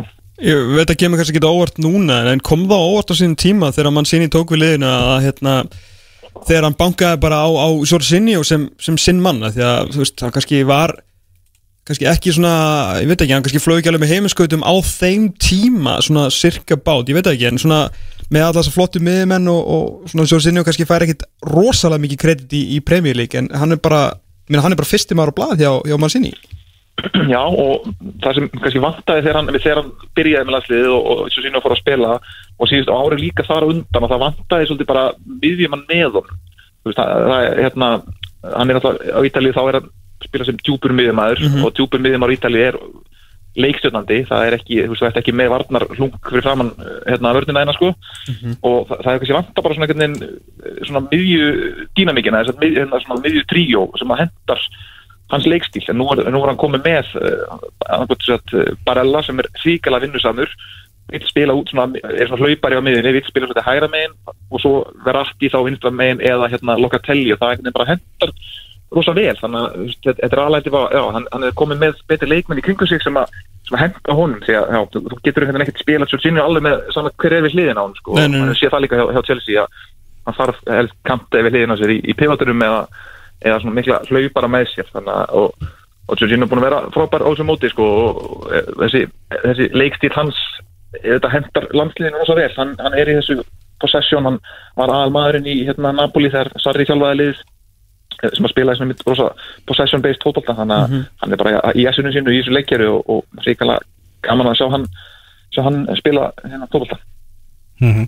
Ítalja Spán, hvernig líst þér á, á þennan undanúsla leik? Bara vel sko, ég, það er kannski hún var ekki sérstaklega góð ég, ég hef meiri, meiri áhugin á, á belgum heldur en spánurum ég held að belgar myndi matcha verð gegn, gegn Ítalíu heldur en spánverðar mm -hmm. spánverðar eru svona eins og svona bara ekki léleg útgáfa af Ítalíu spila possession bústa en er ekki búin að setja varnarleikin almennilega eins og sástafna í hérna, markinu sem að Sviss skoraði ekki er hansindandi voru hérna eins og hérna, skafti og skafti. En hérna já, en að, þetta er svona þetta verður kannski svolítið já, er þetta sjá fyrir hvernig þessi leikur þróast. Bæðileg munum hafa bóltan en ég held að bara varnarleikur Ítalíu munu muni sigla því heim sko. Þeir, þeir eru miklu meira, meira samfærandi eh, þegar kemur að vördunni sko mm -hmm. Ítalija, England, það er þið bara drauma úslita leikur eftir, eftir rúma viku. Já, ég held að flesti sé að vonast til að það verði, verði raunin sko. Og, hérna, og ég er alveg klálega einn af þeim. Og hérna, það verður nú alveg erfið leið sem Ítalija færi þá það færi gegnum Belgíu og síðan uh, Spán og, og England í úslitum, það væri hérna bara síkala skemmtilegt og ég held að þessi bæði þessum haldamótið og, og flesti stuðnismenn vil ég fá það, þann leik í úslitum það væri svona tölið í miklu, form, miklu formi eins og þið töluðum á þann að Ítalið er svona af þessum landsliðin sem er uh, á leiðinu upp annað eins og leið sem er aðeins búin að toppa eins og hérna þessi frakkar og portugalar og, og belgar. Mm -hmm. og England er auðvitað annar leið sem er líka svona á leiðinu upp. Það er eitthvað spennandi í gangi, það er eitthvað meðbyr um, góði leikminn í öllum stöðum einhvern veginn fína kynnslóður sem er að koma upp. Þannig að þetta væri auðvitað mjög skemmtilega leikur og, og á vonar auðvitað líka bæði fyrir Ítali og, og England fund að þetta haldi áfram á, HM næsta ári. Og, hérna, og þetta, þetta verði ekki, muni ekki toppa hér og nú því að allan Ítali eru meira held ég að horfa í, í HM heldur en EM sko, EM hálfgerður bónus smá undirbúningur fyrir HM á, næsta ári. Já, er bara fint að lita um þannig og getur við að tekið þetta núna og svo séumstu bara í Katar. Já, ég Nei, nei, ég held að eh, þetta verður sýkilega skemmtilegt og, og hann ekkert að, ekkert að hérna, kassa inn hennan en sigur á spáni fyrst, það, þetta er nú alveg alveg leikur sko. Jú, jú. Og, já, bara mjög opið, mjög að sjá, sjá fyrir og hérna, en einhvern veginn Ítar er ekki búin að fá þessu marka en þá í, á 90 myndum, eh, bara eitt markaðni upp á þetta tíma og nei, hérna, framlengingu og, og þessi flott að liði sér að spila mikið possession fókvólda á tímum og flott, flottir kaplar þá, þá er það líka varnalegurinn og það, það gleður mitt hérta líka að sjá sjá varnalegurinn sé í lægi og sjá Kjellíni og, Bonucci fagna vilhæfnum tæklingum. Það, það endar um það sem að eiga með mest sko þegar ég horf á, á leikina og heldur betur að hérna brosti vel í, í setnihálug þegar það gerist þarna ítrekkað Þú ert ekki bara sérfræðingur Íslandsum ítalska boltan, þetta er náttúrulega líka uh, stattur í Kongsins köpun í Danmarku þannig að þú ert alveg bara ofan í, í danska fárunu það danska liði að fara í áttalúslutin í, í dag á móti Tjekklandi klukkan fjögur, hvað eru hérna, hvað eru meilandir að segja í, í, í Dannebróð, eru vantilega búin að ákvæða þau vinnið þetta og, og bara nettir á því það? Já, það, það er mikil björnsinni sko og hérna þeir fengur alltaf þannig sé hefni með, með drótt á tjekkana, ekki, ekki tekið af þeim en þetta er alltaf lið sem að mér veist, eh, þegar maður skora á svona leikmann fyrir leikmann þá, þá eru Danir það var eins með Danina eh, gegn hérna á Walesverðum, þeir, þeir eru með meiri breytt en tjekkar, eh, mér veist það er svona styrku danska liðsins að þeir eru með góða leikmann í öllum stuðum, það er lengin stað að þú holður á danska liðin og hugsa að þetta er veikasti lekkurinn. Er kannski strækirinn. Já, samt einhvern veginn svo hafa bæðið er breytt alltaf í Barcelona þannig að hann ekki kannski ná að þá spila vel og það verið sem eða Dolberg hóði sér sem aftur í, í dag. Pólsson alltaf var ekki með síðast í held hann sé uh, orðin heitl en, en Dolberg alltaf var frábæri síðasta leik og það var bara tristið áfram. Og hérna og svo kemur hann Daniel Vass aftur inn í, í hæri bakurinn annars verður þetta bara svipa lið og síðast og og eins og ég segi, þetta er bara gaman að sjá það lið og sjá þess að breytt í danska liðinu. Uh, það er hverki veikan blett einhvern veginn að sjá og, og hérna og þeir eru með meiri breytt fyrst mér en, en tjekkarnir, tjekkarnir eru með 5-6 frábæra resti kannski aðeins meira svona skotleikmenn sem eru mjög fínir sko. En, en Danetinn er með mjög skemmtilega breytt og, og já, hafa komið skemmtilega óvart. Gaman að sína þetta bæðis að breytt líka með við það að besti leikmæður en að sé ekki með. Mm og hérna og já uh, og gaman að sérstaklega þess að Jóki Meli hérna í vinstri vangbakkurinn sem er alltaf ásann spinnað sólhakka sem er búin að vera lang skemmtilegast í bakkurinn á þessu móti. Ég held að hann muni halda áfram uppteknum hætti í, í dag. Bara áramót og sköpst tölur á hann að leikvandilega og enginn sem við missa á hann með Með Kjaldan Karlsberg í hönd eða? Nei, og það er uppbytun byrjuð þegar hann getur sættir hérna, í, í klingum hann sko. Það Ná, er ja. kýnt veður hérna, það er hálfskíjað og 25. hitti, þannig að það eru, það er, það er læti út um allt og hérna, manni, ef ekki síðasta leik þá, morgunin eftir síðasta leik þá var hans út hérna hjóla og það var bara eins og það hefði verið sko, þjóðatíð sinum fimm, sko, það var alltaf að hjóla á göttunum því að hérna, mikið að klærbrótum og og flöskum og, og öllu sko, þannig að það var mikið hátt í þá og, og hún var ekki myndi núna held ég. Þetta er, þetta er hérna, mikið stemning hverju senni í Danmarku og, og einhvern veginn lítið talað um svona, þetta Eriksson mál runni sem er kannski svona bara hjákvæmt uh, og hérna, þetta er bara gaman að þér hafa náð svolítið svona að hristu það sér eins og það er, það er hægt. Mm -hmm. hérna, og að þeir síðan spila flotna fólkbólta og gangi vel og hérna, og er að lefa dörunum að þess að dreyma Björnmar Ólusson í Danmarku takk kjalla fyrir spöllið og bara njóttu dagsins. Þetta er nú að vera gaman í, í Kongsins í dag. Já, takk fyrir það. Heiðristur, bye bye, bye. Já, Tjekkland, Danmark klukkan fjögur og svo í kvöld þá er það Úkraina á móti Englandi. Uh, Englandi kannski er rosalega duglegur að fara í sund þeir að nota hérna myndaveitunar sem punktur nettum áskrifta það er alltaf bara myndaveislur af öllum leikmönnum að leika sér í sundi sko. mm. og alltaf einhver ljósmyndari sem er bara að mynda á, á fullu Sund er náttúrulega rosalega góð hreyfing sko mm -hmm. og tekur líka mjög lítið á hérna á leðamótin þannig að þú vilt svona halda mönnum ferskum og náttúrulega svo er náttúrulega bara mjög gaman í sundi Það er sundblaki og svo það ég, ég held að þetta sé svona sé bæði, bæði entertainment fyrir þá, halda þeim náttúrulega bara uppteknum en að menn fá ekki bara, þú veist, kapin fýver að vera fastir saman í einhverju bublu sko. Það er á upplásnum einherningum og eitthvað. Já, já, það er líka þetta slappa á og svona en þetta er náttúrulega rosalega góð hreyfing líka fyrir og þú mástu þau voru líka að gera þetta mikið á HM, nei á hérna á HM Já. þannig að þetta, ég, þetta er örglega ekki þetta er eitthvað vísindi þannig líka á, á baku þetta sko, þetta fer vatni fyrir vel með menn sko, mm -hmm. hvort sem það sé að leggja í því eða að fá það ofan í sig sko. Mm -hmm. Var þetta samfærandi, höfður þetta samfærandi Já, já, já, já, þetta verður mjög þægilegt fyrir englendinga, annað kemur verður lort og ekki, ekki kasta neina rýrið á á þetta úkrænska lið, það er bara mjög flott en ennska lið er bara of þett og of gott sko, en hérna, þetta verður örglega engi vissla í fyrirháleik og kannski skora englend ekkert fyrir í þeim, í þeim síðari en ef að eh, fyrst, ef að Kroatia og, og Þískaland og, og hérna, Tjekkland og þessi liði voru ekki að skora múti Englandi þá veit ég ekki alveg hvernig þeir alltaf gera það. Úkrænumennir nefnum við fáum ykkur, þú veist, Jarmalenko utanfótarsnuttu í skeitintöfra sko, þetta er fótbólti, þannig að maður getur ekki alltaf, þú veist, bankað og allt fyrirfram. En, en hérna, ég kem vel óvart ef þetta er því eh, eitthvað annað en svona þægilegt fyrir englendingarna er það að byrja?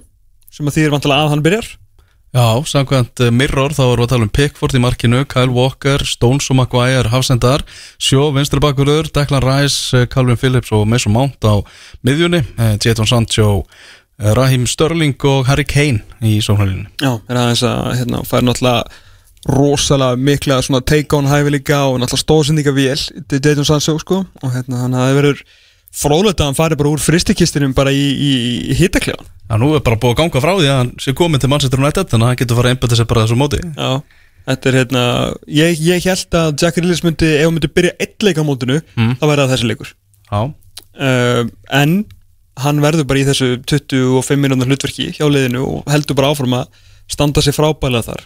Búin að segja þetta áður, Southgate er bara með plan og Jack Grealis í byrjanliðinu er allavega enn sem komið er ekki hluti af því plani því að hann er, hann er það er bara þannig, eins stórbrotin leikmaður á neða fram á við og bara hann vann hennar leik fyrir á móti Þískalandi þar sem hann kom inn og, og breytti þessu bara öllu saman og ekki móti ómerkari anstæðingi heldur Þískalandi að þá eru, já varna tölfræðin hans allan á fyrir utan það sem maður sér með auganu er, er svakalegt sko. Þetta er bara, þetta er bara sóknar maður, hann ennir ekki að verjast og hann er duglugur fattur en hann er bara mjög slakur þegar kemur að taklingum og að vinna boltan og svona, þá er bara hann, það er ekki hans leikur og þegar það er ekki þinn leikur þá passar ekki þetta enskalið at the moment skilur, en þegar England er búið að svona krista og kaffara svolítið leikinu með meðan í sínum höndum og þá er beautiful að eiga þennan snilling á bekknum sko. mm Fyrir nokkrum vikum áður hann tók við Lingby í Danmörku þá var Freyr Alexandersson hérna í stúdíónu hjá okkur að spjalla meðal hans um, um EM og talaði með um Gary Southgate að hann væri bara ótrúlega hrifin af því sem hann og hans teimi hefur gert með þetta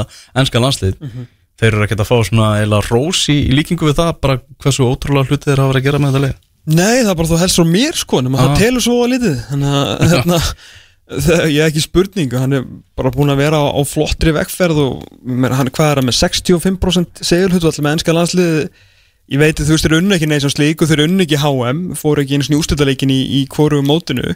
En þetta er svona þetta er á rosalega góðri góðri leið hjá honum og leið er ekki gamalt sko, alls ekki. Það er á frábærum aldri meir og minna þannig að þú veist, þeir verða líka veist, áfram svona force to be reckoned with bæði á HM í, í Kvatar og, og, og í næstu þjóðadild og svona, veist, ég maður sér ekkert endilega fyrir endan á velgengni ennska leysins með Gary Southgate og alla þessa, með þessa kynnsló sem er að koma upp, sko.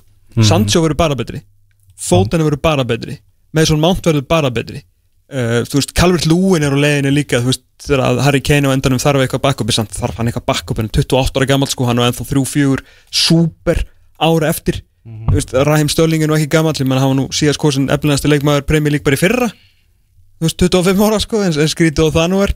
Veist, Rhys James uh, hérna, kannski aðeins hvað er John Stones gammal, hann er ekki náttúrulega strítut eða eitthvað, veist, það er bara þú eru bara flottum aldrei hann í vörninni. Ég bara ég var ekki að fá nýja samningsáttgjöndum dagina uh, Jú, gott að ekki er. Já, ég Já. myndi bara henda solid 5-6 ára samning á hann og, og halda bara áfram þessari vegferð Já, svo kann hann líka manna best verið að vera á fjölmjölamenn það er bara að keppa við á í pílu svona það bara leikja. í, í vasanum sko. Já, það er algjörlega í þannig vasanum sko. mm Þetta viku þá ætlar Hjammi að vera, vera með okkur þetta, Hjálmar Örn og hitta hans upp fyrir úrslitaleikin sem við vonum að verði Ítalía England Já, ég og Hjammi alltaf erum alltaf báðir grimmir á englandsvagninum sko. Já, akkurat um, og, og kannski hjálpar okkur aðeins í, hérna, við munum kannski heyra aðeins meira í Hjamma svona næstu vikurnar þar sem að Hjammi og hérna, uh, Kamila Röð langar með að segja uh, samfélagsmiðla stjarna uh, er að leysa hérna af vinn okkar í næsta stúdíu í bakarínu á bylginu á milli 9 og 12 er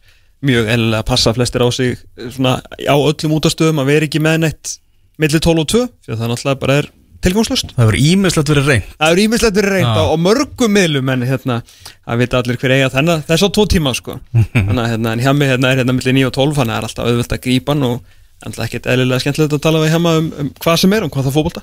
Mm -hmm. Erum við ætlum að fara að vinda okkur hvað og hverju í, í, í Kópavóin Pétur Theodor, eh, hann er orðað við breyðablík Ég held að sé ansi mörg tilbúð sem hafa komið í, til gróttum hana og sagt að, Breiðablik? já, sagt er að blikar að Já, Óskar, er alltaf þekkja Óskar Rapp vilja endur nýja kynnin við Pétur Theodor og eh, okkar maður í Kópavóin og Marta Laufdal ætlar að spyrja Óskar út í þetta eftir eh, leika og eftir. Herru, svo herði ég eftir krókalegum í gær og hérna frá óvandum leiðum. Mm. að hérna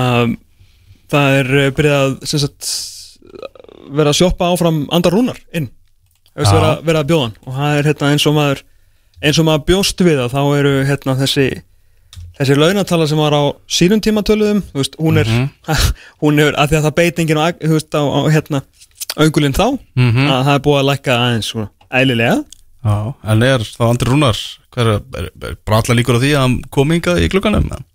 Ég held að, ég kemur ekkit óvart úr þessu hérna ef að, að endi í vikingi sko, vikingar þurfa á, á aðstóð fram á við að halda og Arnar vil náttúrulega fá stöðkall eitthvað sem að stöðar hópin Já, fyrir ekki leint með það. Nei, og Andri Rúnar auðvitað náttúrulega og frábær þegar hann fór og maður veit ekki alveg kannski í hvaða standi hann er en ef það er hægt að gera í talningi um samning út ég veit ekki hvort hann muni gera samning út tímabili eða kannski smá áættaði því ef hann svo hérna, næri ekki að standa undir vendingum en ef hann trúir á það að hann geti staðið undir vendingum að þá hérna, kemur ekkert orð ef, vingandi myndi nýta tækifærið og, og ná í hann sko. Fyrst að er þetta að fá hann á okkur kannski aðeins elleri prís. Mm Arnar var hérna í Chess After Dark um, um daginn. Já, Ég er að fíla það konsept sko. Bara spjalla og, og spila skák á netinu sko. Já ég er sammála, ég, ég fíla það samt aðalega af því að það er svo hókislega erfitt að koma með eitthvað nýtt í dag. Mm -hmm.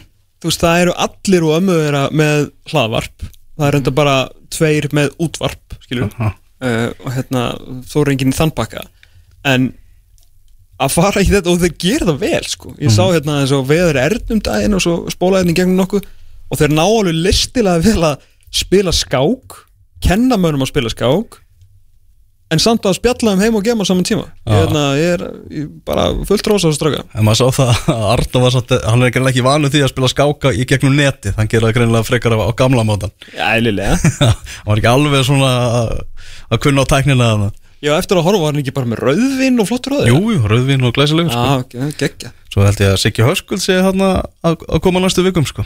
Þannig að það er Skemmtileg gaman að fá, fá svona öðruvísi fótballtarspjall sko. Já, það er nefnilega upp úr svona að þegar menn er að koma til okkar mm þá er þeir alltaf, veist, búin að setja hérna brennjunu upp, sko Já. þeir vita alveg að, veist, við erum skiluru vettirann blaðamenn, sko, veist, við erum búin að vera að spyrja spurningar frá þegar við vorum bara, títuðir, sko Mhm. Þannig að það mæta allir í varnastöðu árunir koma einn inn, sko. Þú veist, ef við erum að fara í eitthvað, eitthvað meira heldur en bara hæ og bæ.